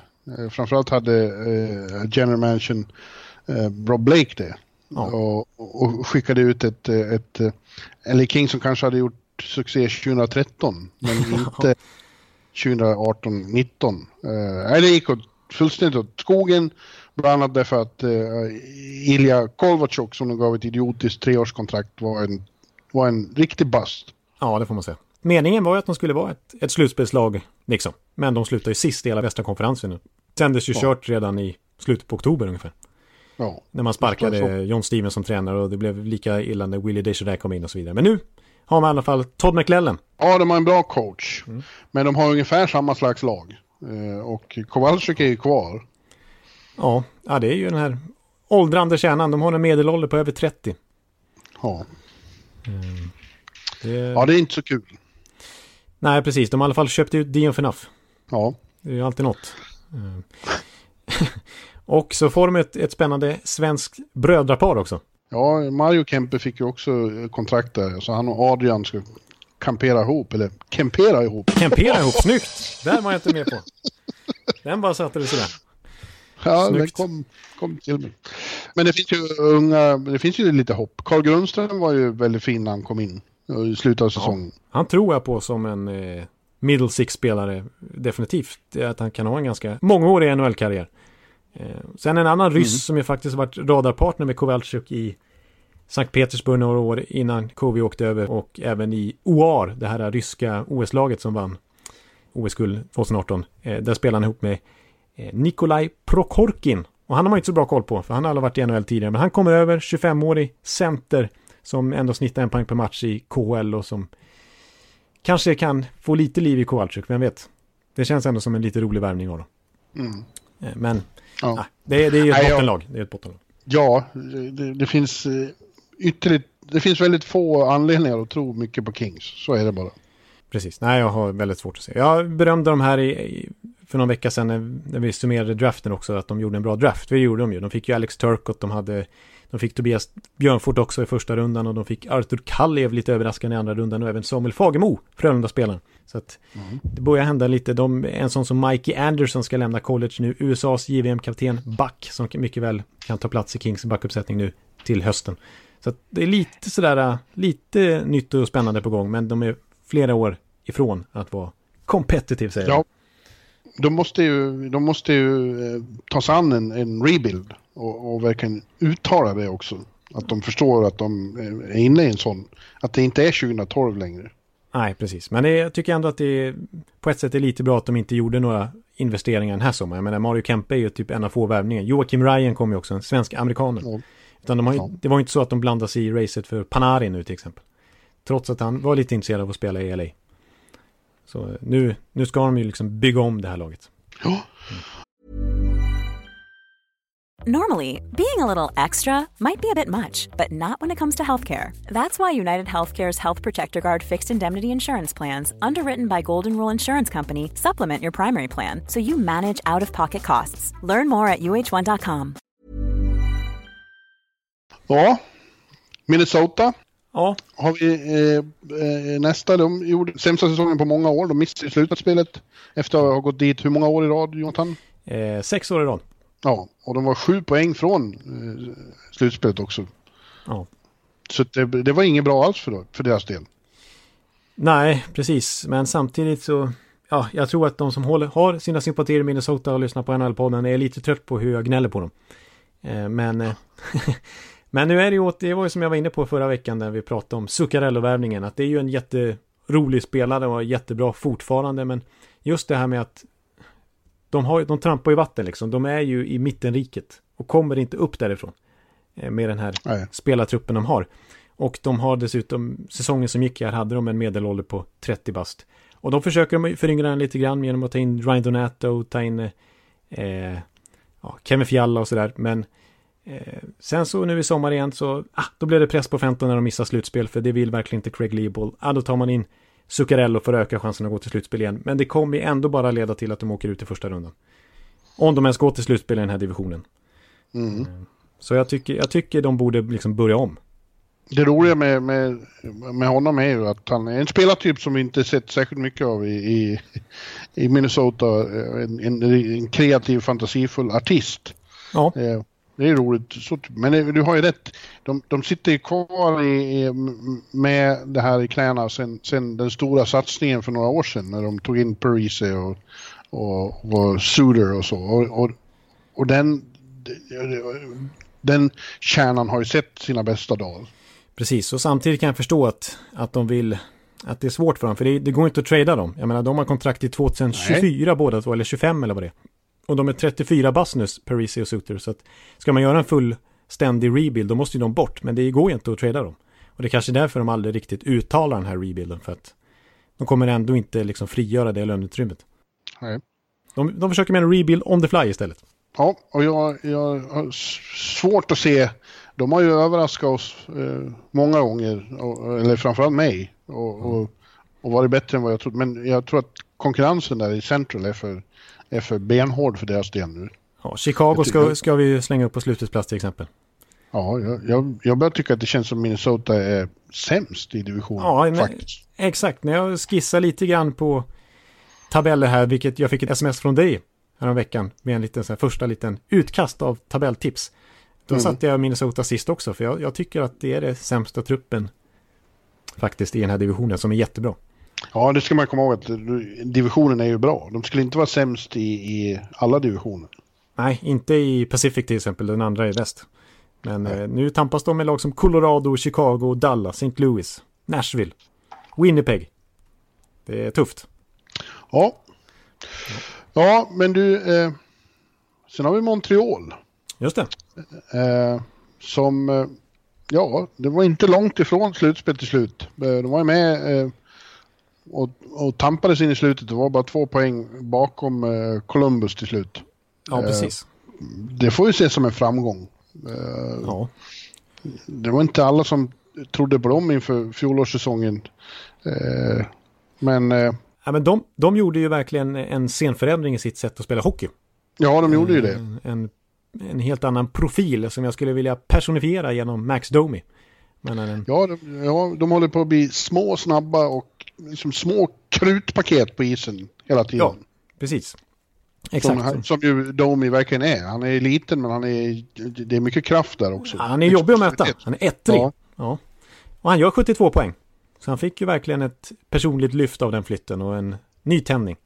Ja. Eh, och jag menar, den profilen fortsätter ju här. De draftar Cole Caulfield 1,70 till exempel nu i, i sommar.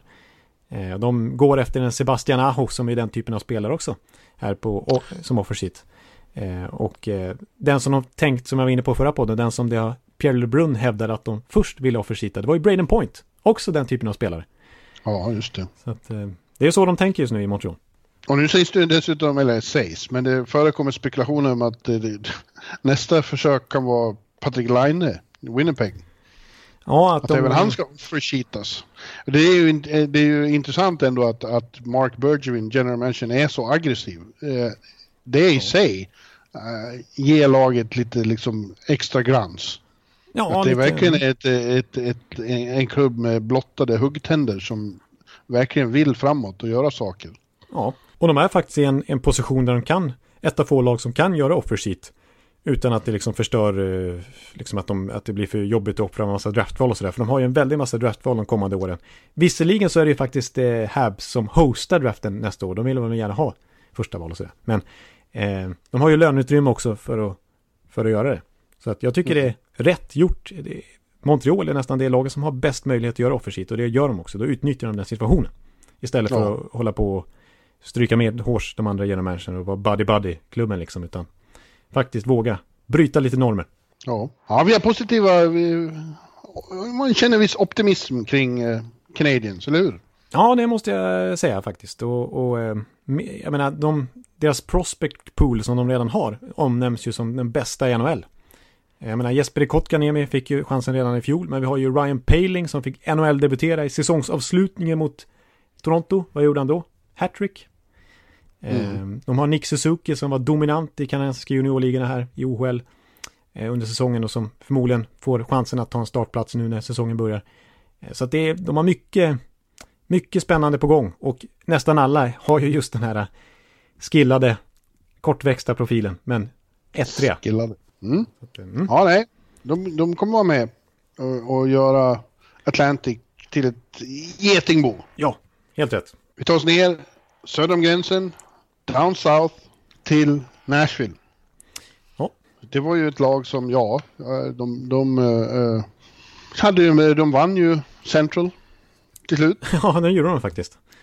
Fast vi tyckte att det var en, en, en, en skakig säsong som det var liksom, de fastnade på något vis och levde aldrig ut sin fulla potential. Ja, det kändes, visst ibland var liksom spelare formstarka. Viktor Arvidsson var ju det när han var skadefri och Filip Forsberg hade fina perioder. Och alla spelare hade ju någon period när de var bra, men aldrig alla samtidigt och framförallt inte i slutspelet. Nej.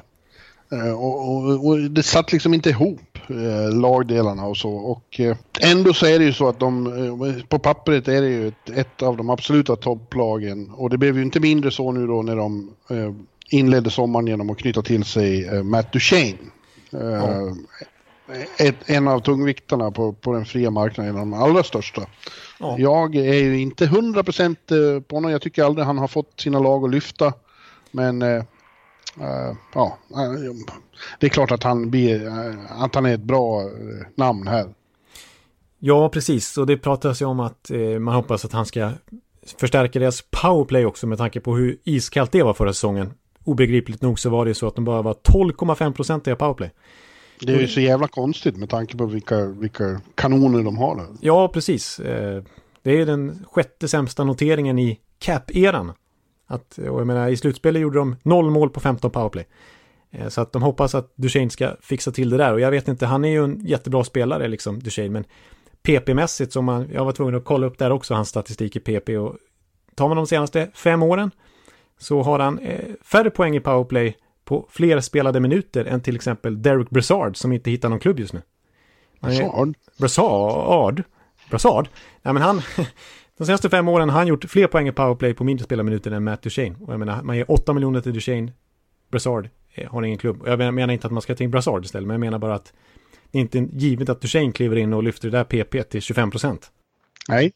Däremot vill jag eh, nämna i sammanhanget också att man har tagit in en ny powerplay-coach också. Det är lite intressant namn. Det är en kille från VHL, alltså juniorligan i västra Kanada. Eh, Dan Lambert, som inte har så jättestor NHL-erfarenhet kanske. Men han har varit assisterande i Buffalo tror jag för några år sedan. Men framförallt så har han, han, han har så här instruktionskurser, utbildningskurser för andra coacher, hur man rattar ett powerplay. Så han är verkligen, det- är det någon specialitet han har så är det just powerplay. Och hans juniorlag där, Spoken Chiefs, de hade 30% i powerplay den gångna säsongen, 36% i slutspelet. Så att eh, bäst i, juniorligorna där borta. Så att man hoppas att hans idéer ska liksom förlösa de här spelarna de trots allt har. Att börja producera powerplay. Ja.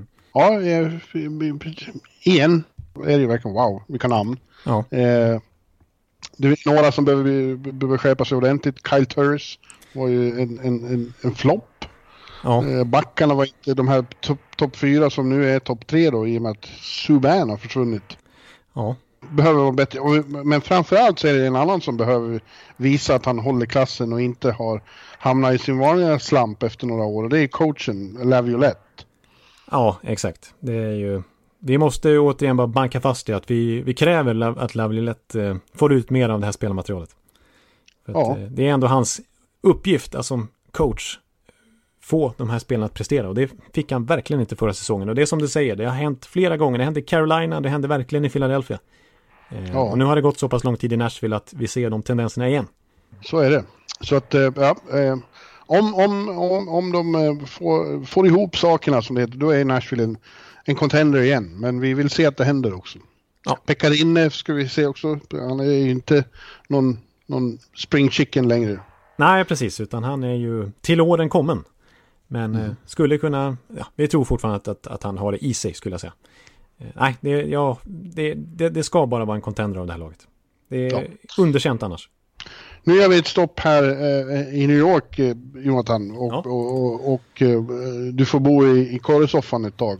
För nu, nu, nu ska vi kolla in tre lag som ju bor här i trakten. Eh, Så vi blir kvar här en stund. Just det. Ja, först så tar vi NJ Transit ut till Newark. Där vi Ja. har New Jersey Devils. Som inte hade någon kul säsong, den som gick.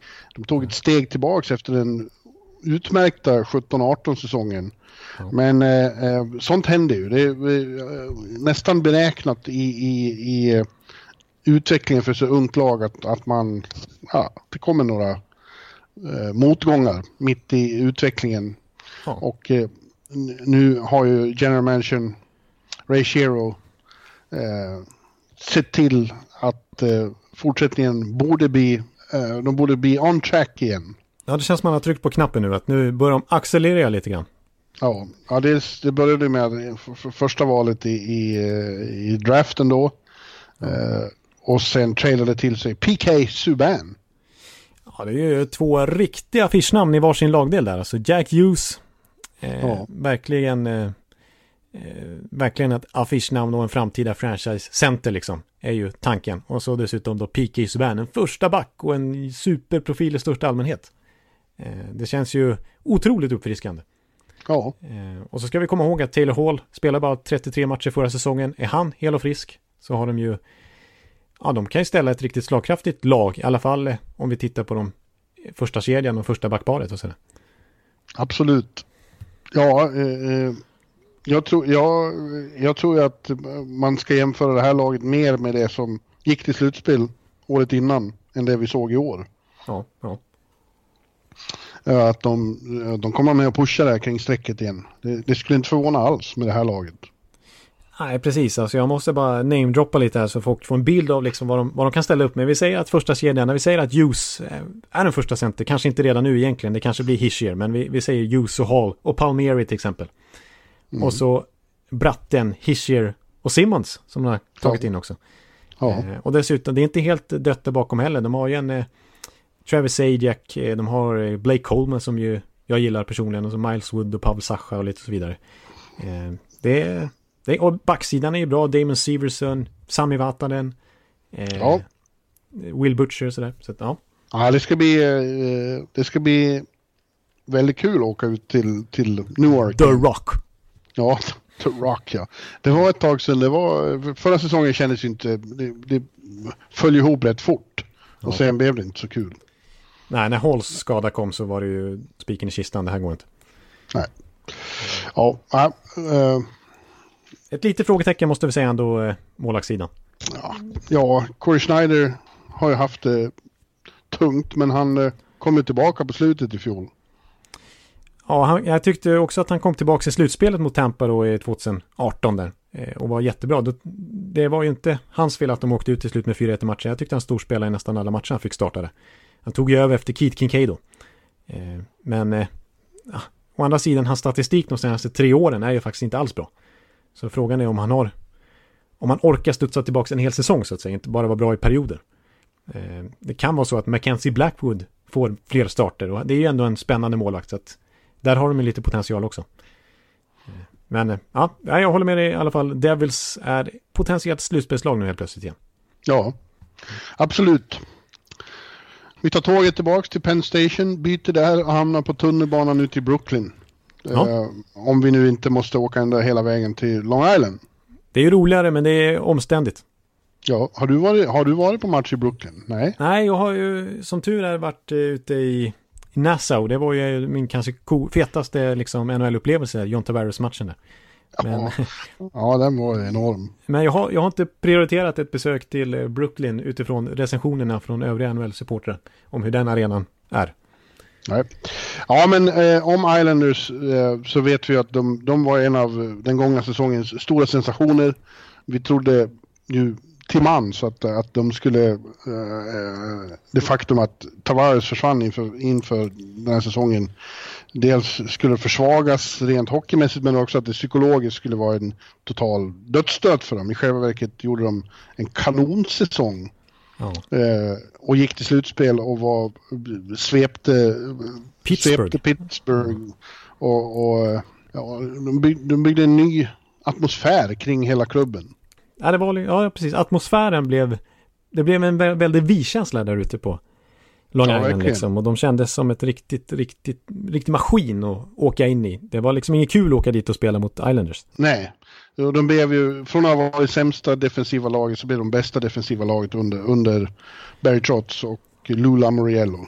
Och Mitch Core. Eh, ja, enastående att se hur, hur, hur, hur bara enskilda människor kan iscensätta en sån enorm förvandling. Ja, för det, det var bland det mäktigaste man har sett i förvandlingsväg faktiskt. Ja, storartat. Ja. Eh, och ja, i, i, princip är det ju samma lag som kommer tillbaks till nästa säsong.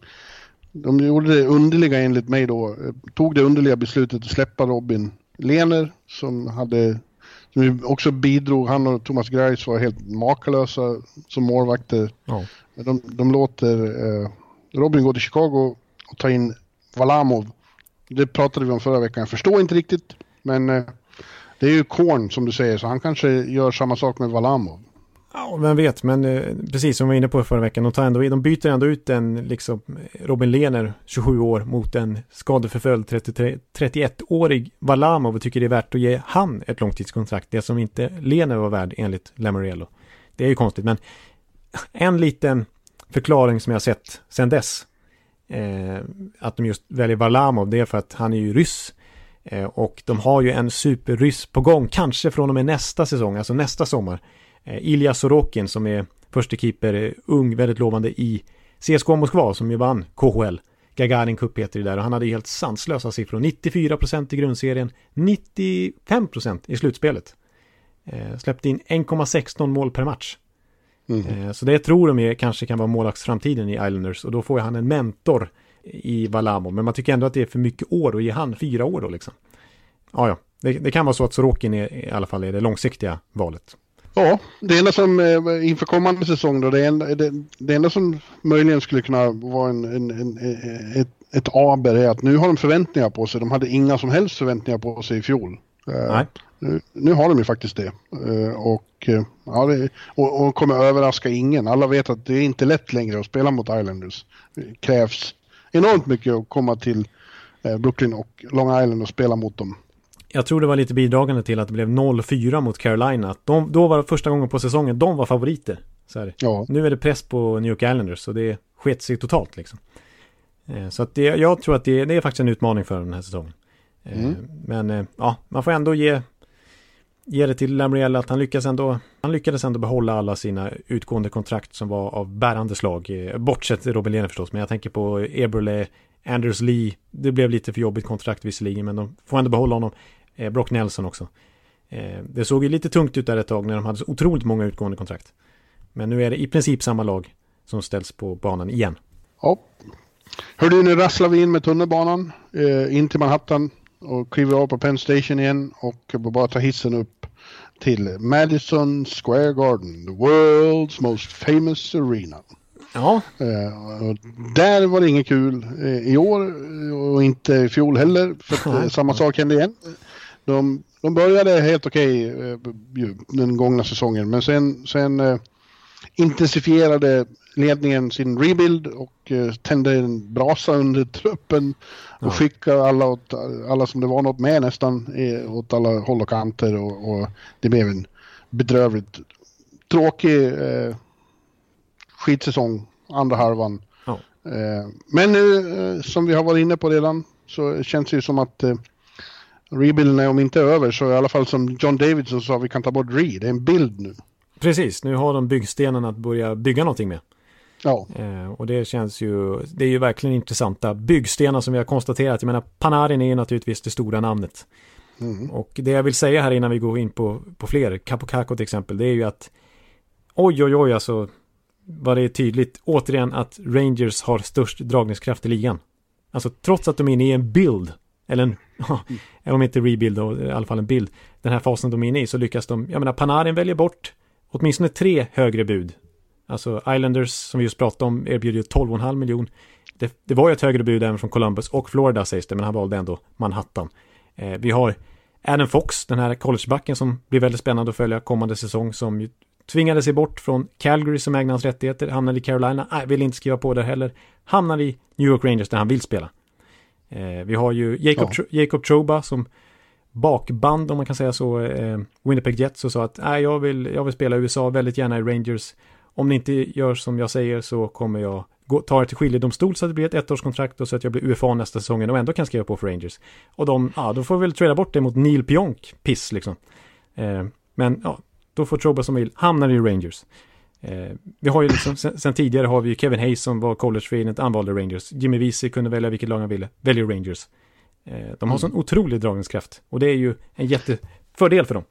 Ja men det är inte så mycket laget i sig tror jag. Eller Nej. förstår jag ju. Det, det är ju just eh, Manhattan, New York och Madison Square Garden. Eh, Ja. Det är det som är grejen. Eh, väldigt mycket. Precis, så Henke Lundqvist, trots, trots den här fasen så vill han absolut inte lämna.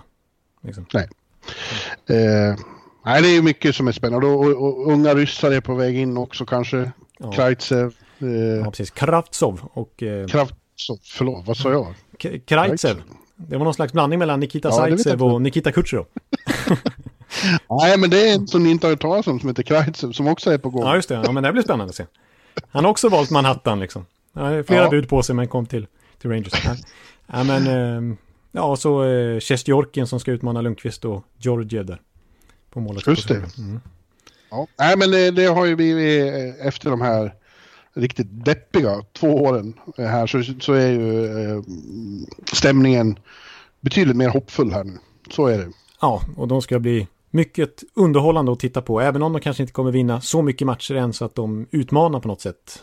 Så kommer det vara kul att se Rangers med Capocaco. och- de är ingen contender än, men de är ju ett, eh, de är en slutspelscontender. De, de kan ta sig till slutspel igen och då lärde vi oss den här säsongen att vad kan hända då? Vad som helst. Ja, precis. Samtliga wildcard-lag slog ut samtliga divisionsvinnare till exempel. Att, Ja.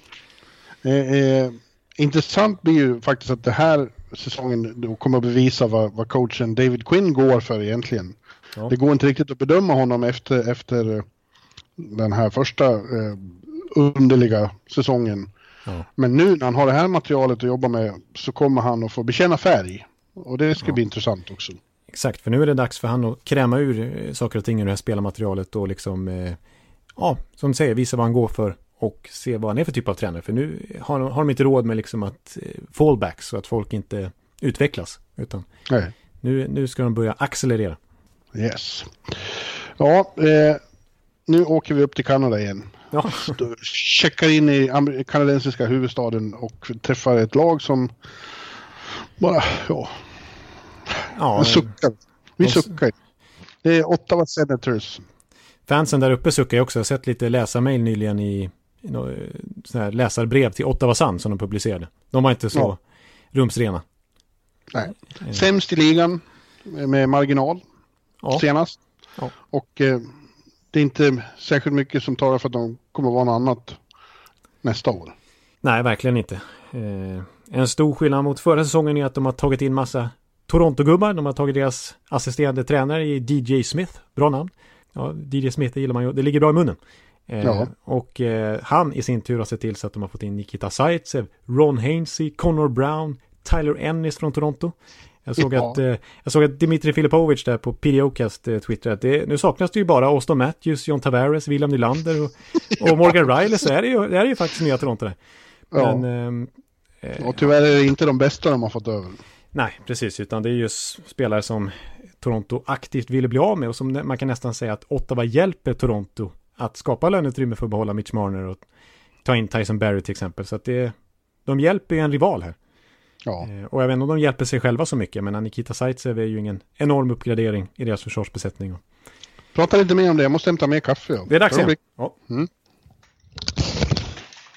Det ser eh, ingen vidare bra ut. Om man kollar på till exempel Zaitsev-kontraktet så är det så typiskt Eugene Melnick, alltså eh, liksom strukturen på kontraktet. De väntar alltså till första juli innan de genomför den här traden som de redan hade överenskommit. För att det var en stor signing-bonus i Zaitsevs kontrakt. 3 miljoner dollar i klumpsumma som måste delas ut första juli. Väntar in den så får Toronto betala den. Och så slipper Ottawa göra det. Eh, de sparar in massa pengar. Eh, 3 miljoner alltså i signing-bonus den första juli. Resten av de fyra åren på kontraktet så är det bara 4 miljoner totalt i signing-bonus. Så det är ju liksom en... De sparar in pengar här, Ottawa. Eh, genom det här sättet. Och det är ju typiskt Gene Mellick. Han tänker mer på sin, sin plånbok liksom. Att han inte ska svida så mycket i värvningarna än att det är kvalitet på spelarna. Ja, det är underligt att han pratade inför, när de hade tappat Erik där, så var han ju ute på video så pratade de rebuild och det här kommer att bli så jättebra Ja. eh, i framtiden. Och så riktigt så känns det inte nu som att de håller på att satsa ungt direkt med Ron Hainsey. Hainsey. Ja. Nej. Nej. Ja, men Nej. Ja, ja. Vad hände med Oskar Lindberg förresten? Han står inte kvar som kontrakterad forward. Nej, han är ju... Han är väl han till och med UFA, eller? Ja, det tror jag faktiskt. Ja. Tycker han förtjänar en ny chans någonstans. Eh, Ja, han, verkligen. han gjorde det bra dessutom i Ottawas sista 20 matcherna han fick spela det. Efter, Ja. efter att ha kommit över eh, från Vegas. Det, nu ska man inte lägga så stor vikt vid plus minus statistik, men spelar man i Ottawa och ändå har plus i plus minus, då har man gjort det bra. Det hade Oskar Lindberg på sina matcher där. Ja. Vi lämnar Ottawa, Jonathan. Det är ett Det, eh, det, sorgebarn. det, det är för deppigt. Visst, de har Chabot och Brännström och sådär, men det, vi måste gå vidare. Vi måste gå vidare och då hamnar vi i Philadelphia. Mm. Eh, som, eh, ja, det var en besvikelse till säsong. Jag, jag trodde ju rätt mycket på dem inför fjolåret. Jag tyckte att efter eh, året innan de pressade Pittsburgh rätt hårt. Ja. Eh, då kändes det som att Philadelphia återigen står på tröskeln till, till eh, att bli ett, ett, eh, ett spännande... Men eh, den känslan har man tappat lite efter senaste säsongen. Ja, jag trodde också det med tanke på att de gav sig ut på UFA-marknaden då och vann budkriget om JVR. Det kändes som att det var ett litet statement från dem att nu ska vi minsann börja vinna. Men, eh, och liksom en signal från den annars så tålmodiga Ron Hextell att nu satsar vi lite grann. Men nej, fick en dålig start på hösten och då fick inte han vara kvar och inte heller Dave Hackstall. Så att det är ju en ny ledning i alla fall som gör sin första säsong från start. Det är ju en ny tränare till och med. Eh, Ja, alltså, eh, vi, ingen mindre än, än- vår gamla vän Badtofflan. Ja, precis. Det, det känns... Alain Vignon. Alain Vigneault, det är ju inte li, inga duvungar han har som eh, assisterande heller. Michel Terrien och Mike Joe. Nej, just det. Det är ju Nej. fruktansvärt mycket NHL-matcher som står i det där NHL-båset. Och det känns lite grann som att temat för Chuck Fletcher, nya general managern sen i vintras, i hans liksom nysatsning på det här Philadelphia-laget är att limma ihop alla de här lovande unga fina byggstenarna med en massa rutin. Dels, dels i båset men också om vi tittar på värvningarna så Matt Niskanen, Justin Braun. Justin Brown. Eh, precis, det är tillsammans Kevin de... Hayes. Kevin Hayes, precis. Ja, det är svårt att veta hur, hur det ska gå. Det känns som... Det, det, det, ja. Nej, jag vet inte. Nej, Hayes känns ju som att han får åt helvete för mycket pengar i alla fall. Ja, precis. 7 miljoner dollar per säsong i ett långtidskontrakt. Det är ju, när man jämför det med vad andra spelare tjänar, till exempel, ja, vi kommer komma in på Kevin LaBanc i, i eh, San Jose som gjorde mer poäng än Hayes förra säsongen. Han får en miljon per säsong, medan Hayes Ja. får 7 miljoner dollar. Han får mer än eh, William Karlsson till exempel, som jag skulle hellre ha i mitt lag än Hayes. Lite märkligt, men visst, jag tycker ändå, jag måste ändå säga att jag eh, tror att eh, Philadelphia kan vara en contender den här säsongen. Jag fortsätter att tro lite på dem. Contender? Ja, du tror men- de kan vinna Stanley Cup? Nej, alltså jag, ja, nej det kanske, vad kan jag säga, mini-contender då? En bubble-contender. Det var som fan. Ja men skulle de få allting att funka så är det så här, menar de har en topp 6 nu med, eh, vi, nu kanske de får mer annorlunda, men vi säger att de fortsätter med Giroux, Couturier och Connectney. Och sen har de JVR, Hayes och Voracek. Och sen har de Lindblom, Nolan Patrick och kanske något till nyförvärv. De har ju fortfarande löneutrymme att göra någonting med. Och så har de en ganska en stabiliserad backsida där det finns rebound-potential, en sån som Shane Gostisbehere och Provorov. Och så kanske Carter Hart redan nu kan bli den här äh, franchise-målvakten man förväntar sig att han ska bli. Ja, det är, väl, eh, det är väl det som väcker mest hopp kanske, att de eh, faktiskt har en målvakt som med, med riktig potential. Exakt, det är liksom inte en... eh, Ja, vem ska man ta som exempel? Det är ju ingen Steve Mason längre, utan eller en... En Hart som kan vinna Hart. Ja, just det, exakt, precis. Så kan det ju faktiskt bli, i alla fall någon gång i karriären. Ja, om de, om de ska gå hela vägen som du tycks tro nu då, helt Ja, ja. sensationellt. Då måste han göra det. Mm. Då måste han ju vara Hart Trophy-mässig, Hart. Ja, precis. Ja, men jag, jag vet inte om jag överdriver, men jag tycker att... Eh, jag tycker Ja, det gör du.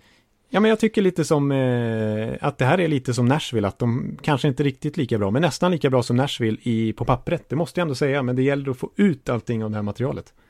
Ja, Jag håller inte med om det. Men Nej. en intressant aspekt är att det nästan alltid går bra första året för Alain Vigneault. Ja, han har ju varit... Han är ju väldigt framgångsrik i både Vancouver och New York Rangers i början. Ja, första året i Rangers tog han dem till final. Mm, mm. Så det kanske, det kanske är en Ekliv, ja du kanske sätter det här. Precis. Det, det, det ska jag lägga på minnet. Exakt. Ja, jag kanske ska, det kanske ska vara min grej den här säsongen. Det kan jag få, verkligen få äta upp. Men att jag ska hålla på och håsa Philadelphia. Ja. ja, men för fan. Vi har i andra änden av samma delstat, Pennsylvania, ett gammalt storlag som heter Pittsburgh Penguins. Har du hört talas om dem? Ja, just det. Det är ju de här... eh, det är de ja, pingvinerna där som har eh, några Stanley Cup-titlar. På senare år, men som inte känns riktigt lika vassa nu för tiden. Nej, de eh, hade lite bakhart den gångna säsongen och eh, det eskalerade, det bakhala, när de klev in i slutspelet och blev svepta av Islanders. Eh, jag tycker så här med facit i hand nu när man ser tillbaka, så när de hade förlorat två matcher och, och det började halka till även i tredje så gav de ju upp. Eh, de, man, eller gav upp, men man, man kände tydligt att många ledande spelare kände att det är, vi, ork, vi orkar inte det här. Vi har gjort det för ofta, för många gånger. Och vi är inte så hungriga som vi en gång var. Ja, jag tyckte det var en rolig liknelse i bloggen eh, några rundor senare när du jämförde, när du skrev där om eh, de klättrar upp för Mount Everest. Ja, Och liksom eh, Pittsburgh har ju klättrat hela vägen upp till toppen två gånger och nu känner de bara, nej, vi, det kommer ändå inte gå, ändå. Så att vi kan gärna ge upp här nu när vi ligger under med 3-0 matcher i första rundan. Det är för, det är för... eh, ja de krafta- vände redan i, ba, i baslägret där. Ja, det är så, så skrev du. De liksom stannade i basläget och sa bara, äh, skit i det. Gör det där, ni, ni, ni får försöka om ni vill, men vi skiter i det. Ja, vi har gjort det. Nu, nu, nu tar vi en grogg. Ja, exakt. Nu går vi och spelar golf. Ja. Och äh, äh, känslan är ju även inför fortsättningen tycker jag faktiskt att, att de är på tillbakagång. Ja. De har ju fortfarande fantastiska spelare, Sidney Crosby och Evgeny Malkin och, och, och Letang. Det, går inte, det går inte att säga något annat än att det är makalösa hockeyspelare allt jämt. Mm. Men laget som helhet känns inte så starkt längre tycker jag. Ja, Jag tycker ju att eh, Jim Rutherford som har vunnit Jerry Manager of the Year bara för några år sedan här eh, har gått bort sig. Att han har, det var uppfriskande i början att han var så aktiv och att han gjorde smarta moves. Han, att, han inte, att han inte hade något tålamod. Det var bra i början där när han liksom, nej det funkar inte med den här coachen, vi tar in Mike Sullivan istället. Och ja, nej David Perron mot eh, Carl Hagelin. Det blir bra. Ja, Så- ja såna- fasade, fasade in rätt killar från, från Wilkes Bar. Ja, precis. Det ger dem chansen att säga. Men nu, ja, grejen är att det var så, så, så sent som för två säsonger sedan de vann Stanley Cup senaste gången, 2017. Sen dess är det bara tio spelare kvar. ja. Eh, Det är hälften av laget som är nytt. Och det känns som att det är lite för mycket, för stor rotation i truppen. ja, det har varit för mycket omsättning på folk. Ja. Helt i onödan faktiskt. Ja. Helt plötsligt sitter de på långtidskontrakt med Eric Goodbranson, Jack Johnson och numera Brandon Tanev liksom. Är, men det är en gammal sanning. Trada inte bort Karl Hagelin, för alla som gör det går åt helvete för. Ja, exakt. Ja, men det, så har det varit. Det kan man ändå Ja. slå fast. Ja. Eh, någon slags förbannelse där. Eh, nej, jag tycker att... Eh, vi var ju inne på Brandon Tanev-traden förra veckan, att det kändes suspekt. Jag menar, på kort sikt där kanske kan det bli bra. Han är en okej bottom six-spelare, men man skulle ju aldrig betala 3,5 miljoner gånger 6 för honom. Nej. Alltså utnyttja mellanskillnaden i löneutrymme efter Kessel mot Galchenyuk-traden åt att ta in en fjärde kedjegnuggare liksom. Det... Jag tror dessutom att en sån som Crosby, liksom, han känner ju det här nej, det här är inte det lag som vi kommer att vinna med igen. Nej, mycket hänger på att han är motiverad. Ja, motiverad, ja. men, men jag tror liksom innerst i, inne i hjärtat liksom. Mm. Så han kommer ju att göra allt han kan, men jag tror att uh, det måste kännas lite deppigt att se att laget blir sämre.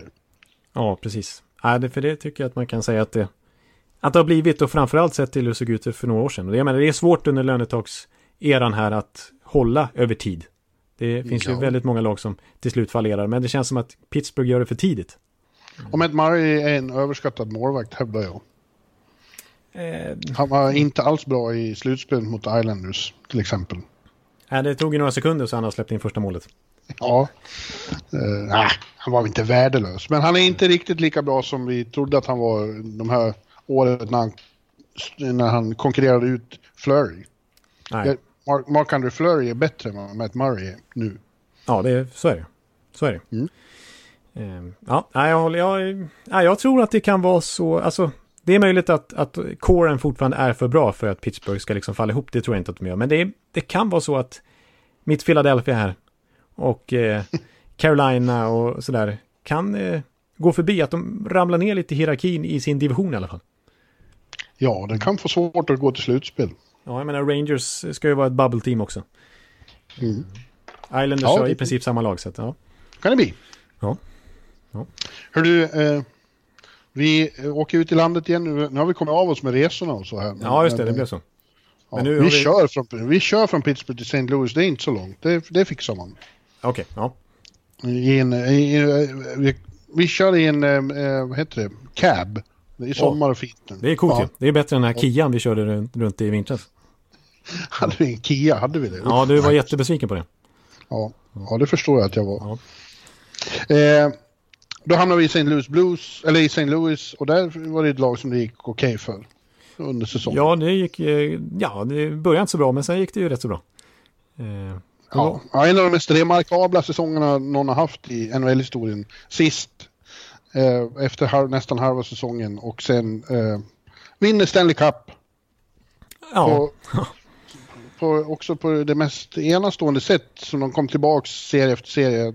Alltid när man trodde att nu är de knockade så ja. var de helt oberörda av det som hade hänt innan. Och det visade sig framförallt i allra sista då, när de har chansen att vinna Game 6 hemma mot, eh, mot Boston och förlorar och får åka tillbaka till Boston i en omöjlig Game 7 och vinner i alla fall.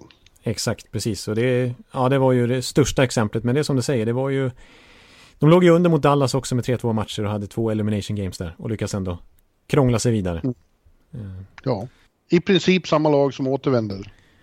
Nästan ja. Eh, helt och hållet. Den, den som försvinner, är, de verkar inte kunna behålla eh, Maroon. Nej, och det verkar, det verkar nästan också så att de kanske skulle kunna klämma in honom, men det känns inte som att de är riktigt intresserade av att skriva ett långtidskontrakt som han vill ha. Så det känns nästan som att det är lite meningen också. Men ja, nej, annars är det inte... Ja. Jag fick, jag fick ett, ett, ett sting av ångest här, jag måste fråga dig. Du har väl tryckt in inspelningsknappen? Ja, men det har jag gjort. Annars hade det varit tungt här och har snackat uh, ut i luften här i två timmar drygt. Ja, då hade vi, hade då hade vi mått dåligt. Då hade vi nog inte hämtat oss förrän i oktober. Nej, nej, ja, bra. Mm. Eh, ja, det betyder ju att de kommer att vara, de kommer att vara att räkna med igen. Mm. Vi vet alla vad som kan hända. Det, det finns uh, Stanley Cup hangover är, en grej. Ja. Uh, och när man har klättrat upp hela den där vägen för, till Mount Everest topp så ska det jävligt mycket till för att få coacherna och, och, och få dem att göra det en gång till. Ja, precis. Att samma ord ska bita lika bra in i omklädningsrummet. För att ja. motivera dem. Så att jag, jag tror faktiskt att det kan bli lite tufft för St. Louis. Att de kan vara lite sådär och krångla sig eh, upp och ner mellan slutspelsstrecket faktiskt. Med tanke på just den här divisionen, att vi hypar Dallas som the team to beat och Chicago på uppgång och så Winnipeg och Nashville är fortfarande, ser ju sig själva som contenders.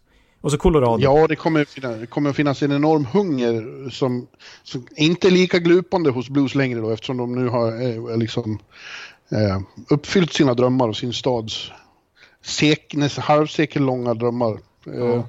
Ja.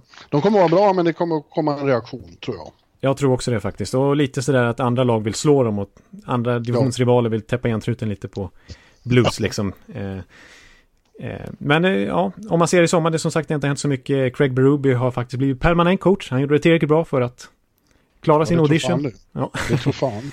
Ja, och eh, sen blir det intressant att se om eh, Jordan Binnington och Oskar Sundqvist, men kanske framförallt Binnington, hamnar i skiljedomstol. De har ju anmält sig dit om man kan säga så. Eh, och det känns Ja. som, jag menar, hur ska man bedöma Binnington? Vad ska han ha för deal? Det finns ju inget prejudikat på en 25-årig rookie som går in och vinner Stanley Cup. På det viset han gjorde. Nej, Eh, och ingen vet vad han... Om han får en sophomore slump. nej, precis, exakt. Det kan ju vara så att det var en fluk, eller så är han en toppmålvakt, det vet vi inte. Det vet vi inte. Nej. Vi vet inte det. Nej, vi, det, faktiskt så vet vi inte det.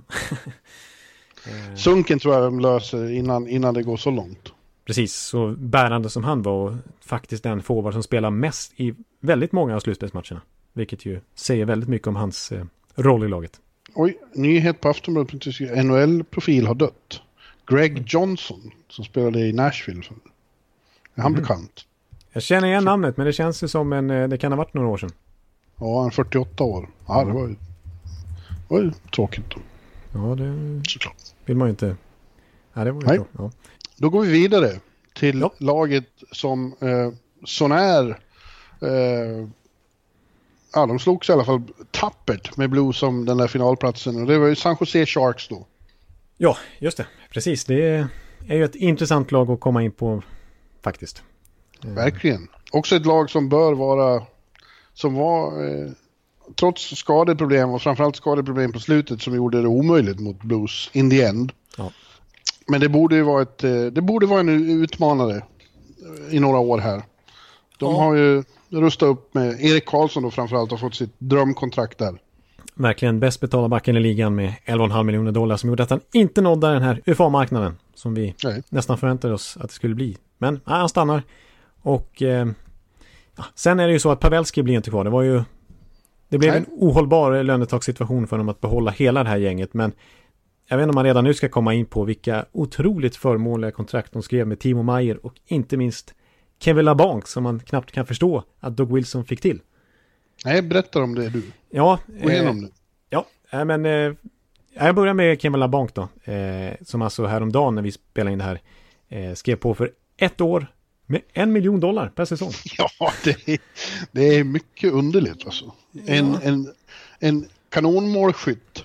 Eh, Ja. Visst, vi har ju hört talas om bridge-kontrakt förut, men då brukar det ju vara som William i, i, i Vegas för 5 miljoner åtminstone. Exakt, man kan ju tänka sig, ja jag skulle kunna tänka mig visst att det hade kunnat bli tre miljoner i sämsta fall för ett år, men inte lägre än en miljon. Det känns helt orimligt och med tanke på att det brukar vara så att spelarfacket ligger på för att inte ta under marknadsvärde.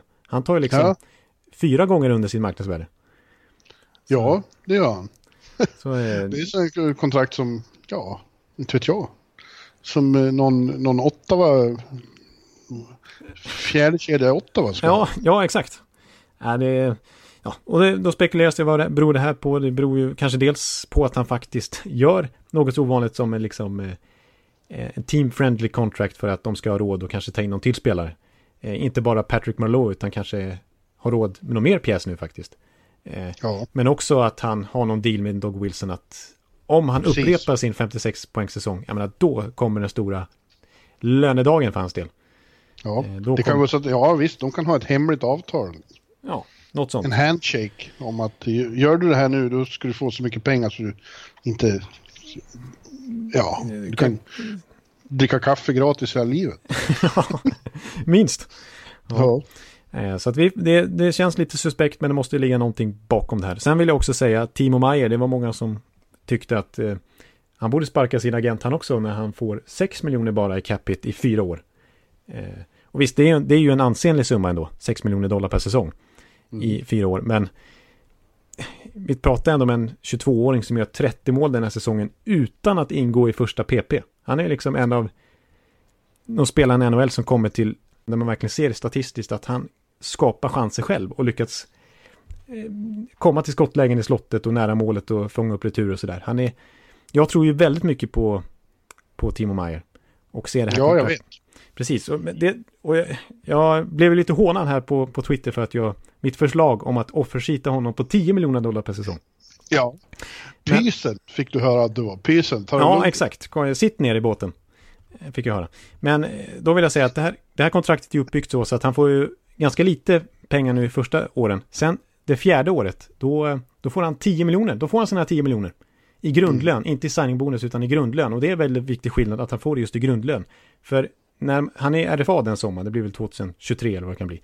Eh, då utgår, ska man kunna liksom behålla rättigheterna, då måste man erbjuda minst lika hög lön som man hade i grundlön året innan. Och det är alltså 10 miljoner. Så ska San Jose behålla rättigheterna om fyra år så måste de ge han minst 10 miljoner dollar per säsong.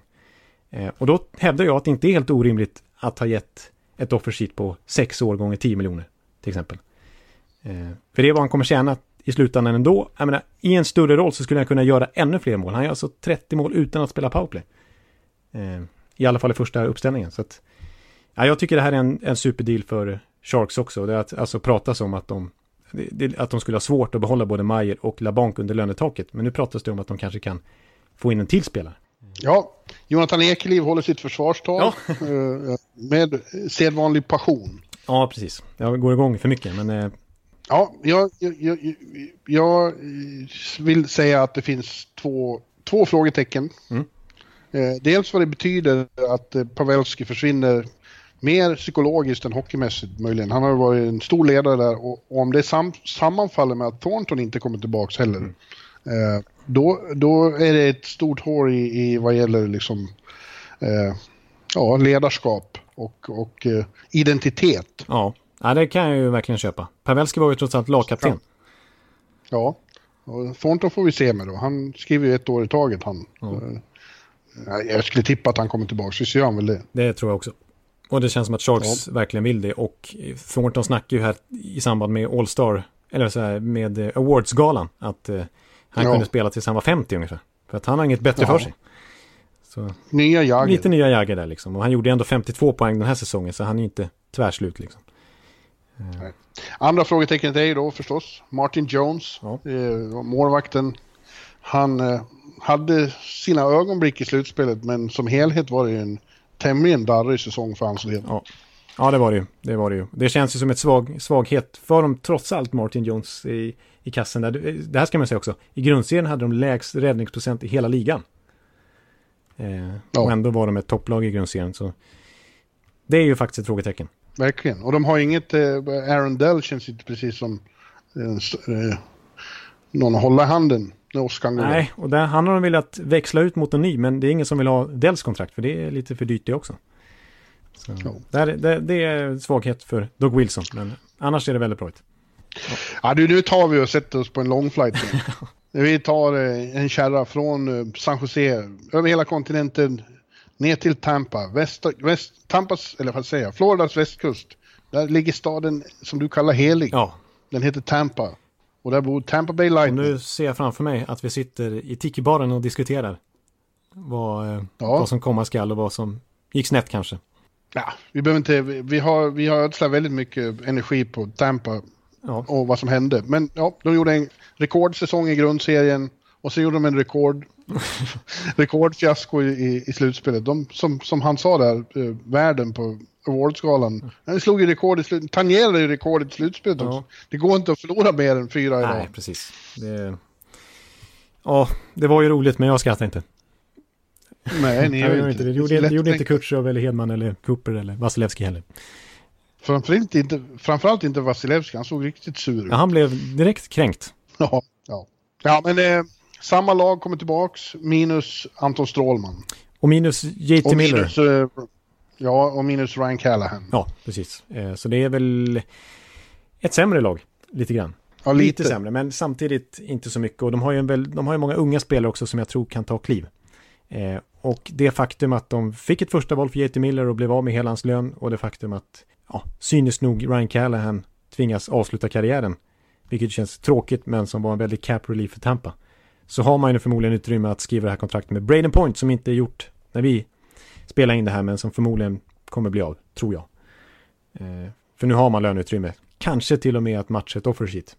Mm. det, det som överraskade mig mest med Tampas off-season, det var ju att man eh, gick stenhårt för Joe Pavelski. Eh, Ja, man bjöd alltså in honom, trots att man inte har något löneutrymme, så bjöd man in honom i den här intervjuveckan innan första juli. Två dagar eh, spenderade han i Tampa eh, med sin familj faktiskt. Eh, och bjöds på två superlyxmiddagar. Bland annat en steakhouse-kväll där. När han satt med Cooper och Brisbois och de försökte övertyga honom att ta ett skambud för att komma till Tampa. var de på Burns? Eh, ja, visst var det så. Det måste de ha varit. Det är ett av världens bästa steakhouse. Det finns Ja. i Tampa. Precis. Eh, där satt de och hade det gött. Men eh, det var förgäves för att eh, Pavelski fick ju mer pengar och en kanske minst lika stor chans att vinna Stanley Cup i Dallas. Ja. Ja. Ja, jag tycker att vi inte... Igen, vi, jag vet att du har miljoner saker att säga här, men... Ja. men eh, Vi har ältat Ja. det eh, ja, några gånger så att eh, vi, vi, vi kan gå vidare faktiskt. ja, vi kan konstatera som vi har gjort om Washington och andra eh, några gånger. Säsongen började i april för Tampa. De, de går i ett slutspel, kanske inte gör riktigt samma rekordsäsong igen, men, men nu handlar det om att bevisa att man kan spela slutspelshockey igen också. Precis, för det gjorde man ju verkligen inte. Alltså 0-4 mot ett wildcard-lag liksom. Det, De måste ju rannsaka sig själva enormt och John Cooper måste ju känna att han, om han inte sitter på heta stolen, det, kan inte, det här kan inte hända igen. nej, precis. Nu gick det inte att sparka honom med tanke på att man förlängde hans kontrakt en vecka innan slutspelet började. Eh, Så att det, det var inget alternativ, men eh, han Det har var ju bara... nästan lite arrogant gjort faktiskt. Ja, samtidigt, det var det ju faktiskt, men samtidigt så kände de väl att de var ju en, liksom en verklig Stanley Cup-contender som gjorde den bästa grundserien på år och dagar. Eh, och att ja, de kanske skulle komma billigt undan genom att signa innan slutspelet snar- snarare än efter, men det blev ju precis tvärtom. Eh, så att där gjorde de bort sig. Och eh, jag håller med dig som du varit inne på att Cooper är ju ett, har ju visat mycket svaghetstecken.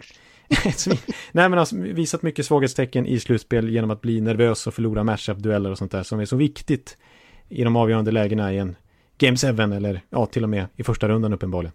Så eh, ah, det, jag är inte, jag är orolig. Ja. Ja, det ska du vara. ja.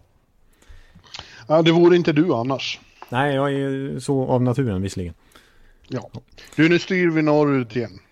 Ja, En, eh, en, en klassisk flight från, eh, nej, så jävla klassisk är den väl inte, men en flight från Tampa upp till Toronto.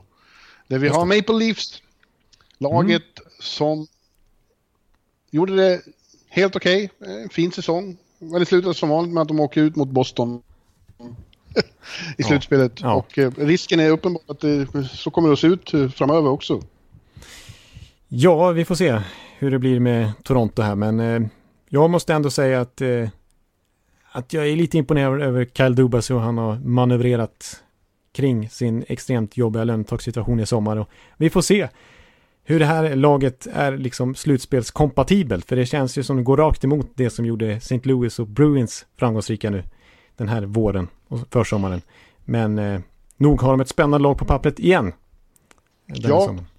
De har, jag vet inte om de har uppgraderat tillräckligt på backsidan, men de har i alla fall uppgraderat. Eh, De har en bättre backsida nu och det är ju... Det har, ju varit, det har gått så långt så det har blivit en kliché om att de inte har tillräckligt bra backar. Ja. Eh, Men nu med, med eh, en uppställning som där Tyson Barry ingår tillsammans med Massin och Morgan Riley. Det är inte helt värdelöst alltså. Nej, det är ju åtminstone average i ligan. Det är Ja. på gränsen till eh, toppen, liksom. Ja, Nej, toppen Ja, är det inte. det- Toppen är det inte. Men det är, det, Nej. det är okej, liksom. ja, det är bättre än det har varit. Mm. Definitivt.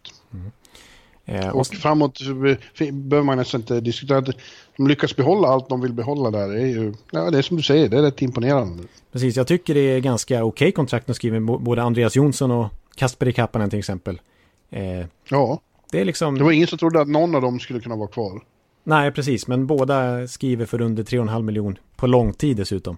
Eh, och jag tror att de kommer att vara värda mer än så inom några år. Med tanke på den produktionstakt de håller hittills i karriären. De kommer ju bara växla upp kanske. Men nu, vi, vi ska väl inte ropa hej förrän vi har kommit över Toronto River. För att eh, det finns ingen sån, men nu sa jag det ändå. Ja. eh, för att de har inte skrivit kontrakt med Marner än. Nej, och det går ju fortfarande lite rykten om att det kan komma ett offer sheet. Men eh, Mm. Eh, och det är ju helt uppenbart att firma Marner med sin farsa där till exempel och agenterna eh, inte är beredda att skriva något team-friendly kontrakt utan Nej. han ska ha så mycket som möjligt och han, tycker, han vann interna poängligan så att han tycker han ska ha lika mycket som Matthews. Eh, ja. Över 11 miljoner i så fall. Så det, det blir kämpigt för dem men de har ändå faktiskt löneutrymme nu att faktiskt kunna få in honom tror jag. Eh, och det... Ja. Ja, det borde väl bli så. Ja. Eh, och som, som förra veckan som vi var inne på så måste jag bara säga också att det är ju just det här med off, den här offensiva eh, liksom överhuvudtaget offensiva eh, lutningen i truppen. Alltså jag menar, en Seitz är bort, en Ron Haynes är bort, en Tyson Barry in, en eh, Jason Spetsa som fjärde center. Eh, ja, just det, han kommer in också. Ja, han tog ju faktiskt League minimum för att spela i eh, Toronto. Även om han mm. har tappat mycket så är ju det en, en, eh, en värvning som signalerar någonting. Eh, så att, ja, Toronto ska bli kul att se hur, hur långt man kan gå 2019-2020 med ett renodlat offensivt lag. Du tror, du tror på bilden av att uh, Matthews lämnar över bucklan till uh, Jason Spetson? eh, nej, jag, jag, har, jag tror, jag har inte Toronto som min Stanley Cup-favorit ändå. Nej, det är Philadelphia. Det är Philadelphia. nej, men det, det kanske är Dallas och ett lag som vi inte har kommit in på än. Ja. En cliffhanger. Mm. Nej, det finns bara ett lag från öst kvar så det är inte så svårt ah, okay, att räkna ah, ut. Okay. ja. Eh, men det är inte Vancouver Canucks som Nej. vi nu styr kosan till. Ja. Eh, de tror du inte på i final. Och Nej. gör ingen annan heller. De Nej. hade en, ja, en fin säsong. Mm. Eh, tagit steg framåt. Eh, utan att direkt vara i närheten av något slutspel in the end. Men det börjar ju bra och de har eh, väldigt mycket, eh, ja det var generationsväxlingen där från tvillingarna Sedin slutade och Elias Pettersson kom in blev ju väldigt eh, smidig. Precis, de fick helt plötsligt en ny svensk franchise-center som de vet att de kommer ja. kunna bygga vidare på i lång tid framöver. Ja. Så. Och eh, det kommer ju vara jävligt kul att se Vancouver även fortsättningen. De, de är ju eh, ett kul lag, men kanske ja. inte tillräckligt bra.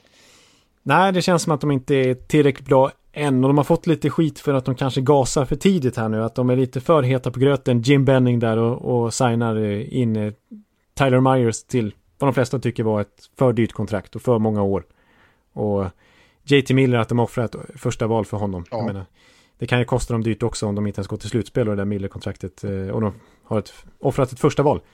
Eh, men eh, nej, de, känns ju, de känns ju spännande ändå. Vi kan nämna Queen Hughes också. Ja. Det, är, det är ganska mycket spännande på gång där. Så att jag tror att de kommer, och i en relativt svag Pacific division där de har konkurrenter som Anaheim och Los Angeles och mm. Arizona, vi får se var de står och, och så vidare. Eh, så, så känns det som att det kanske kan vara nosa på en slutspelsplats det här året i alla fall. Ja, men framförallt så känns det lovande på sikt. Ja, så kan vi säga. Så kan vi säga. Och, och eh, ja, jag tror inte Elias Pettersson är, är typen som har några, eh, vad heter det? Sophomore slumps. Sophomore slumps, nej. nej. Utan han kommer att och, och fortsätta frälsa oss och det ska bli jävligt spännande att se honom igen när han har liksom vant sig och det, NHL blir vardag igen. Precis, exakt. Nu, eh, nu har han varit med om en sån här 82 matcher säsong. Mm. Och eh, förstått hur det är att resa kontinenten runt som vi har gjort de senaste två timmarna. Med Bjurman som ciceron. Så att eh, ja. det har Elias Pettersson full koll på nu. Så jag, och jag tror inte på en sophomore heller. Utan jag tror att det kan, de kan snarare växla upp lite i kombination med Besser där. Yes. Mm. Ja, och från Vancouver till Vegas går det direkt flighter. Och den sitter vi på nu. För att nu ska vi prata Golden Knights. Ja. Och visst är det väl spännande. Ett lag som inte fanns för två år sedan redan har etablerat sig som, ja, de, de är ju ett av topplagen. Ja, ja de är ju, ser sig själva som en contender. Ja, och, det är med, med all rätt. Ja, ja, de har ju det laget. De är faktiskt det enda laget just nu i talande stund som ligger över lönetaket. Ja. Eh, och det gör de dock inte riktigt i praktiken för att de sätter de David Clarkson på long time injury reserve som de kommer göra så ligger de under löntaket och klarar de sig precis. Men då har de inte möjlighet att skriva kontrakt med Nikita Gusev.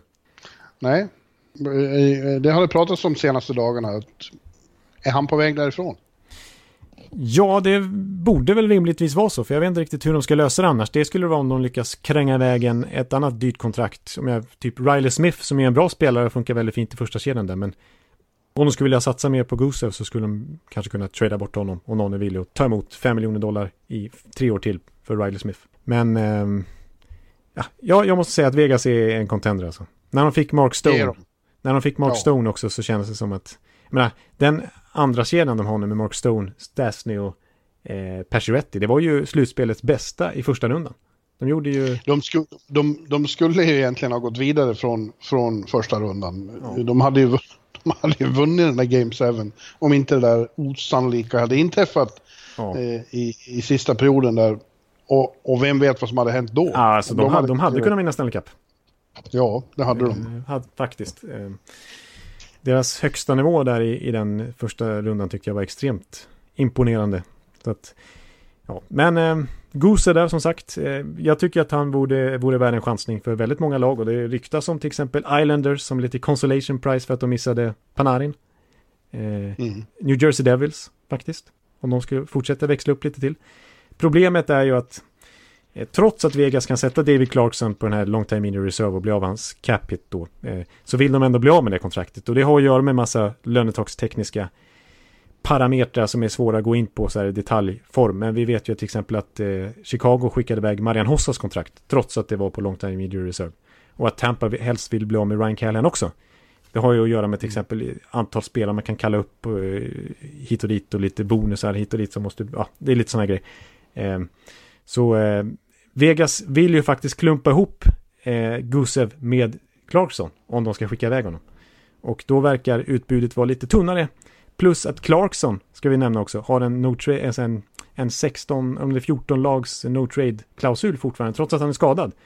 Och han tjänar ju väldigt bra på att bo i Vegas, det inte finns någon delstatsskatt. Skulle han tradas till New Jersey, ja då blir han av med väldigt mycket pengar. Jag tror han blir av med 250 000 dollar den här säsongen om, han, om de skulle trada honom dit. Så då kanske mm. han tackar nej till en trade. Så att, eh, det är inte helt lätt att trada Gusev. Mm. Och därför tror jag inte att det har blivit men, av. Eh, mm. nej, hur som helst. Vi, vi tror på Vegas igen. Ja, definitivt. Nu blir man lite trög i skallen här. Ja, det märker jag också. Lång, vi har varit ute på en lång resa. Det är vi, man är i rejält jetlägen. Ja, men och nu får vi dessutom köra över hela kontinenten igen. En, ja. en resa som för ett, år, för ett drygt år sedan var ju väldigt vanlig. Vi flög mellan Washington och Vegas några gånger. Just det, den har du suttit på. Ja, det vart ju inte så många gånger i och med att, att det bara varit fem matcher. Det är sant. Men eh, Washington då, som eh, du just avslöjade indirekt att du tror på som finalist. Kanske. Mm. Igen. Mm. Mm. Eh, ja, det är ju ett... Eh, Ex-mästarna mm. är ett väldigt bra lag. De har gjort en del oväntade eh, drag här under, under off-season. Mm. och dragit på sig eh, elaka figurer. Som ja, Godas. Godas till exempel. Eh, Hath Leipzig är väl också? Ja, Leipzig är ju lite åt det hållet och kanske Hathaway också. Ja. Um, det jag tycker, ja, alltså, om man ser på kort sikt från och med hur de ställer upp laget nästa säsong så tycker jag ser väldigt bra ut. Trots att de har tappat Brett Connolly till exempel som gjorde 20 mål och Burakovsky ingen, ingen del av laget längre men han var ju aldrig, man visste ju inte riktigt vad man skulle göra med honom. Av någon konstig anledning. Men jag menar, eh, jag tycker det ser starkt ut. De har ju två jättestarka toppkedjor och nu kan de ställa upp med Hagelin eller och Richard Panik som de tog in.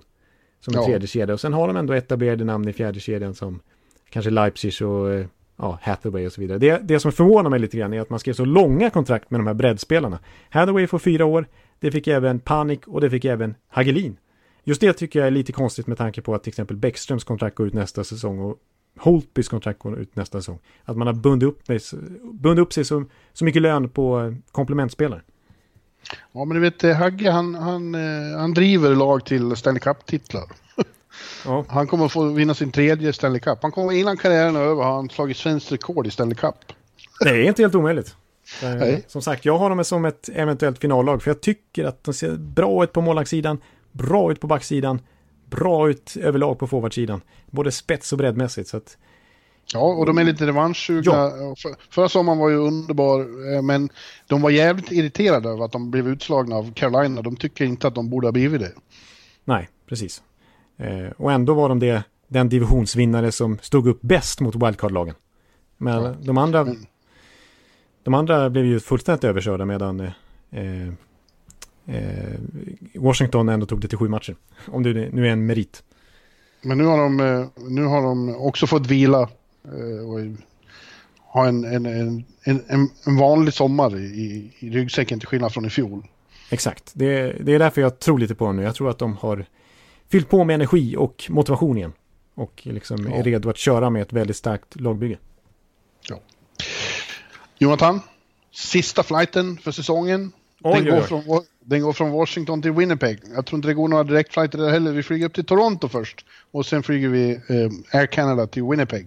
Ja, Eh, där vi har då Jets. Eh, sist i NHL-alfabetet. ja precis. Det är nu Jarko brukar säga att när han lyssnar på de här avslutningspoddarna så han är ju bara intresserad av Winnipeg Jets. Så han sett, I och med att han vet att det är så långa avsnitt så går han går och lägger sig, somnar vid Arizona och så vaknar han lagom till Winnipeg. Vilket svin. Oförskämd Jarko. Ja, Eh, ja, och, och det är väldigt underligt hur man ser på Winnipeg nu. Inför fjolårssäsongen var det ju jättemånga som hade dem som favorit. I, Ja. i synnerhet kan, kanadensisk press var ju Hockey och sådär var nästan varenda en som uttalade sig. Och, Winnipeg är så bra så de kommer att att vinna. Det, det intrycket hade de fått efter den där resan när de slog ut Nashville. ja. Men eh, känslan är inte samma längre. Och jag kan inte riktigt peka på varför. Men de känns inte lika farliga längre. Nej, precis. Och jag tror att säsongen som gick ändå var deras bästa chans, trots att de verkligen inte tog den. För att det var ju sista året innan många av de här kontrakten gick ut. Det var sista året innan Troba ska ha en fet förlängning, innan Patrik Laine ska ha en fet förlängning, innan Kyle Connor ska ha en fet förlängning. Eh, Tyler Myers ska man väl slänga in där också. Så att det var liksom sista året med ett riktigt, riktigt, riktigt bra lag. Och nu, nu är det ju, jag menar nu, nu de kan man ju verkligen klassa som en förlorare den här sommaren hittills. Eh, Ja. För de har ju inte gjort, ja de har blivit av med tre ordinarie backar i Troba, Myers och Sherrott. Och det är inte vilka som helst, i alla fall inte Troba. Och fyllt på med Neil Pionk och Anthony Bitetto. Det är liksom inte contenderklass. Eh, Jonk framförallt. nej, nej. Eh, och sen eh, har de ju fortfarande inte lyckats lösa Line och Connor. De verkar stå ganska långt ifrån varandra.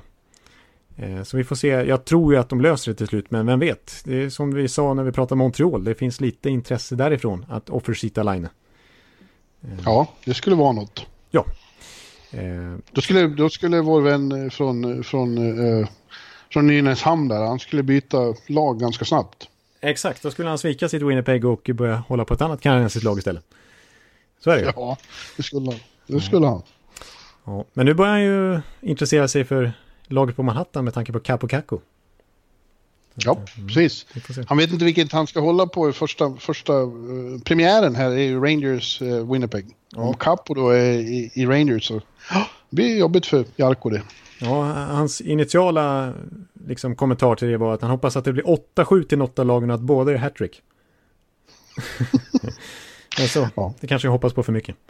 Men, ehm, ja, Winnipeg kommer fortfarande vara starka. Jag menar, de har fortfarande Wheeler och Scheifele och Dustin Bufflin och Hellebucken och sådär. Eh, men eh, det är inte, nej, jag ser dem verkligen inte som the team to beat. Nej, och det, de eh, kommer till en ännu tuffare konkurrens eftersom lagen runt om dem, med undantag möjligen för, för eh, Minnesota, Mm. eh, rustar upp ordentligt. Ja, precis. Så att det, blir ännu svårare nu med lite försvagat spelarmaterial. Så att, nej, just därför kanske de lyckas. Vi har ju sett många sådana exempel, men jag lägger inte mitt tips på Winnipeg den här säsongen. Nej. Me neither. Nej, Ja, men du, då eh, knyter vi ihop säsongen 2018-2019 och stoppar in paketet i arkivet. Vi är klara, Jonathan. ja, det känns ju...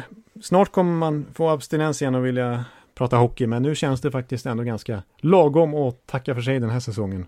Och, Ja, och eh, se fram emot eh, preview-avsnitt i september istället. Och som du var inne på, vi kanske ska... Vi kommer ju dyka upp någon gång under sommaren.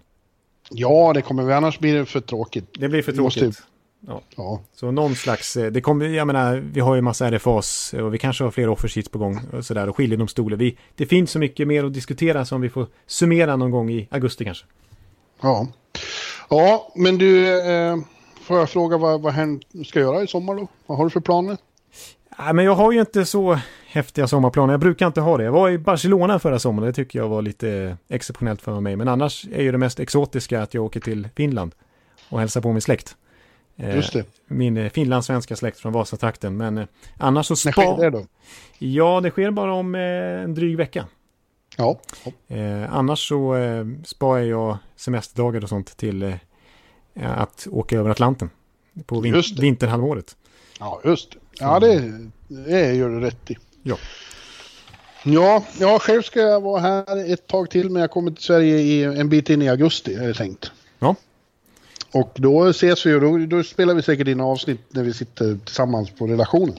Ja, just det. Det är vi inte vana vid, men det, det blir ju spännande. Ja.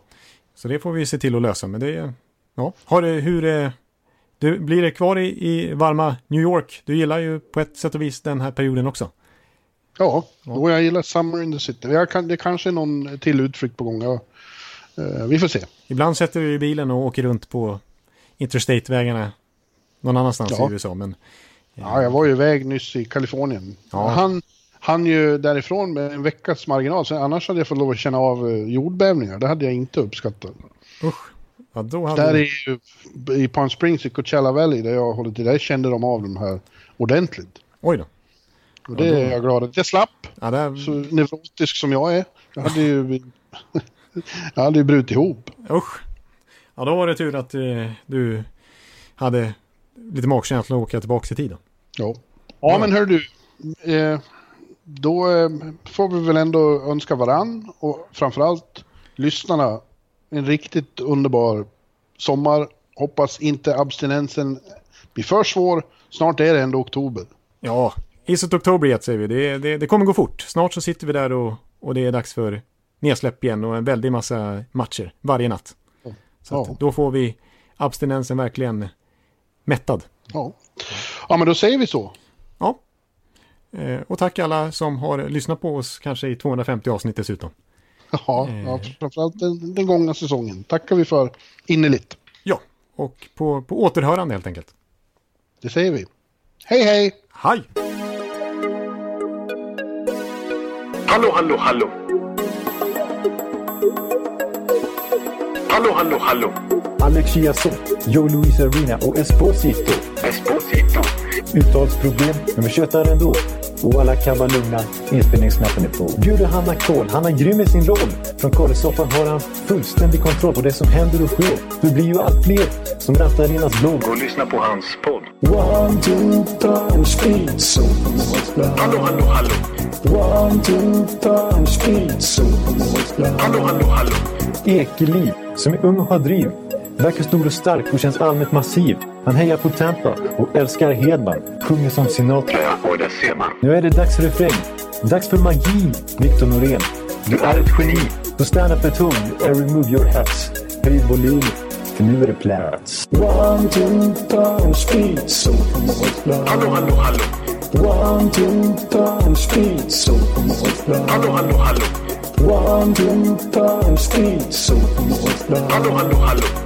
One, two, time, speed, so Hallå, hallå, hallå. Det er utroligt længe siden mor, der samtidig trods har råd. Hallå, hallå, hallå. Det er utroligt længe siden mor, der samtidig trods har råd.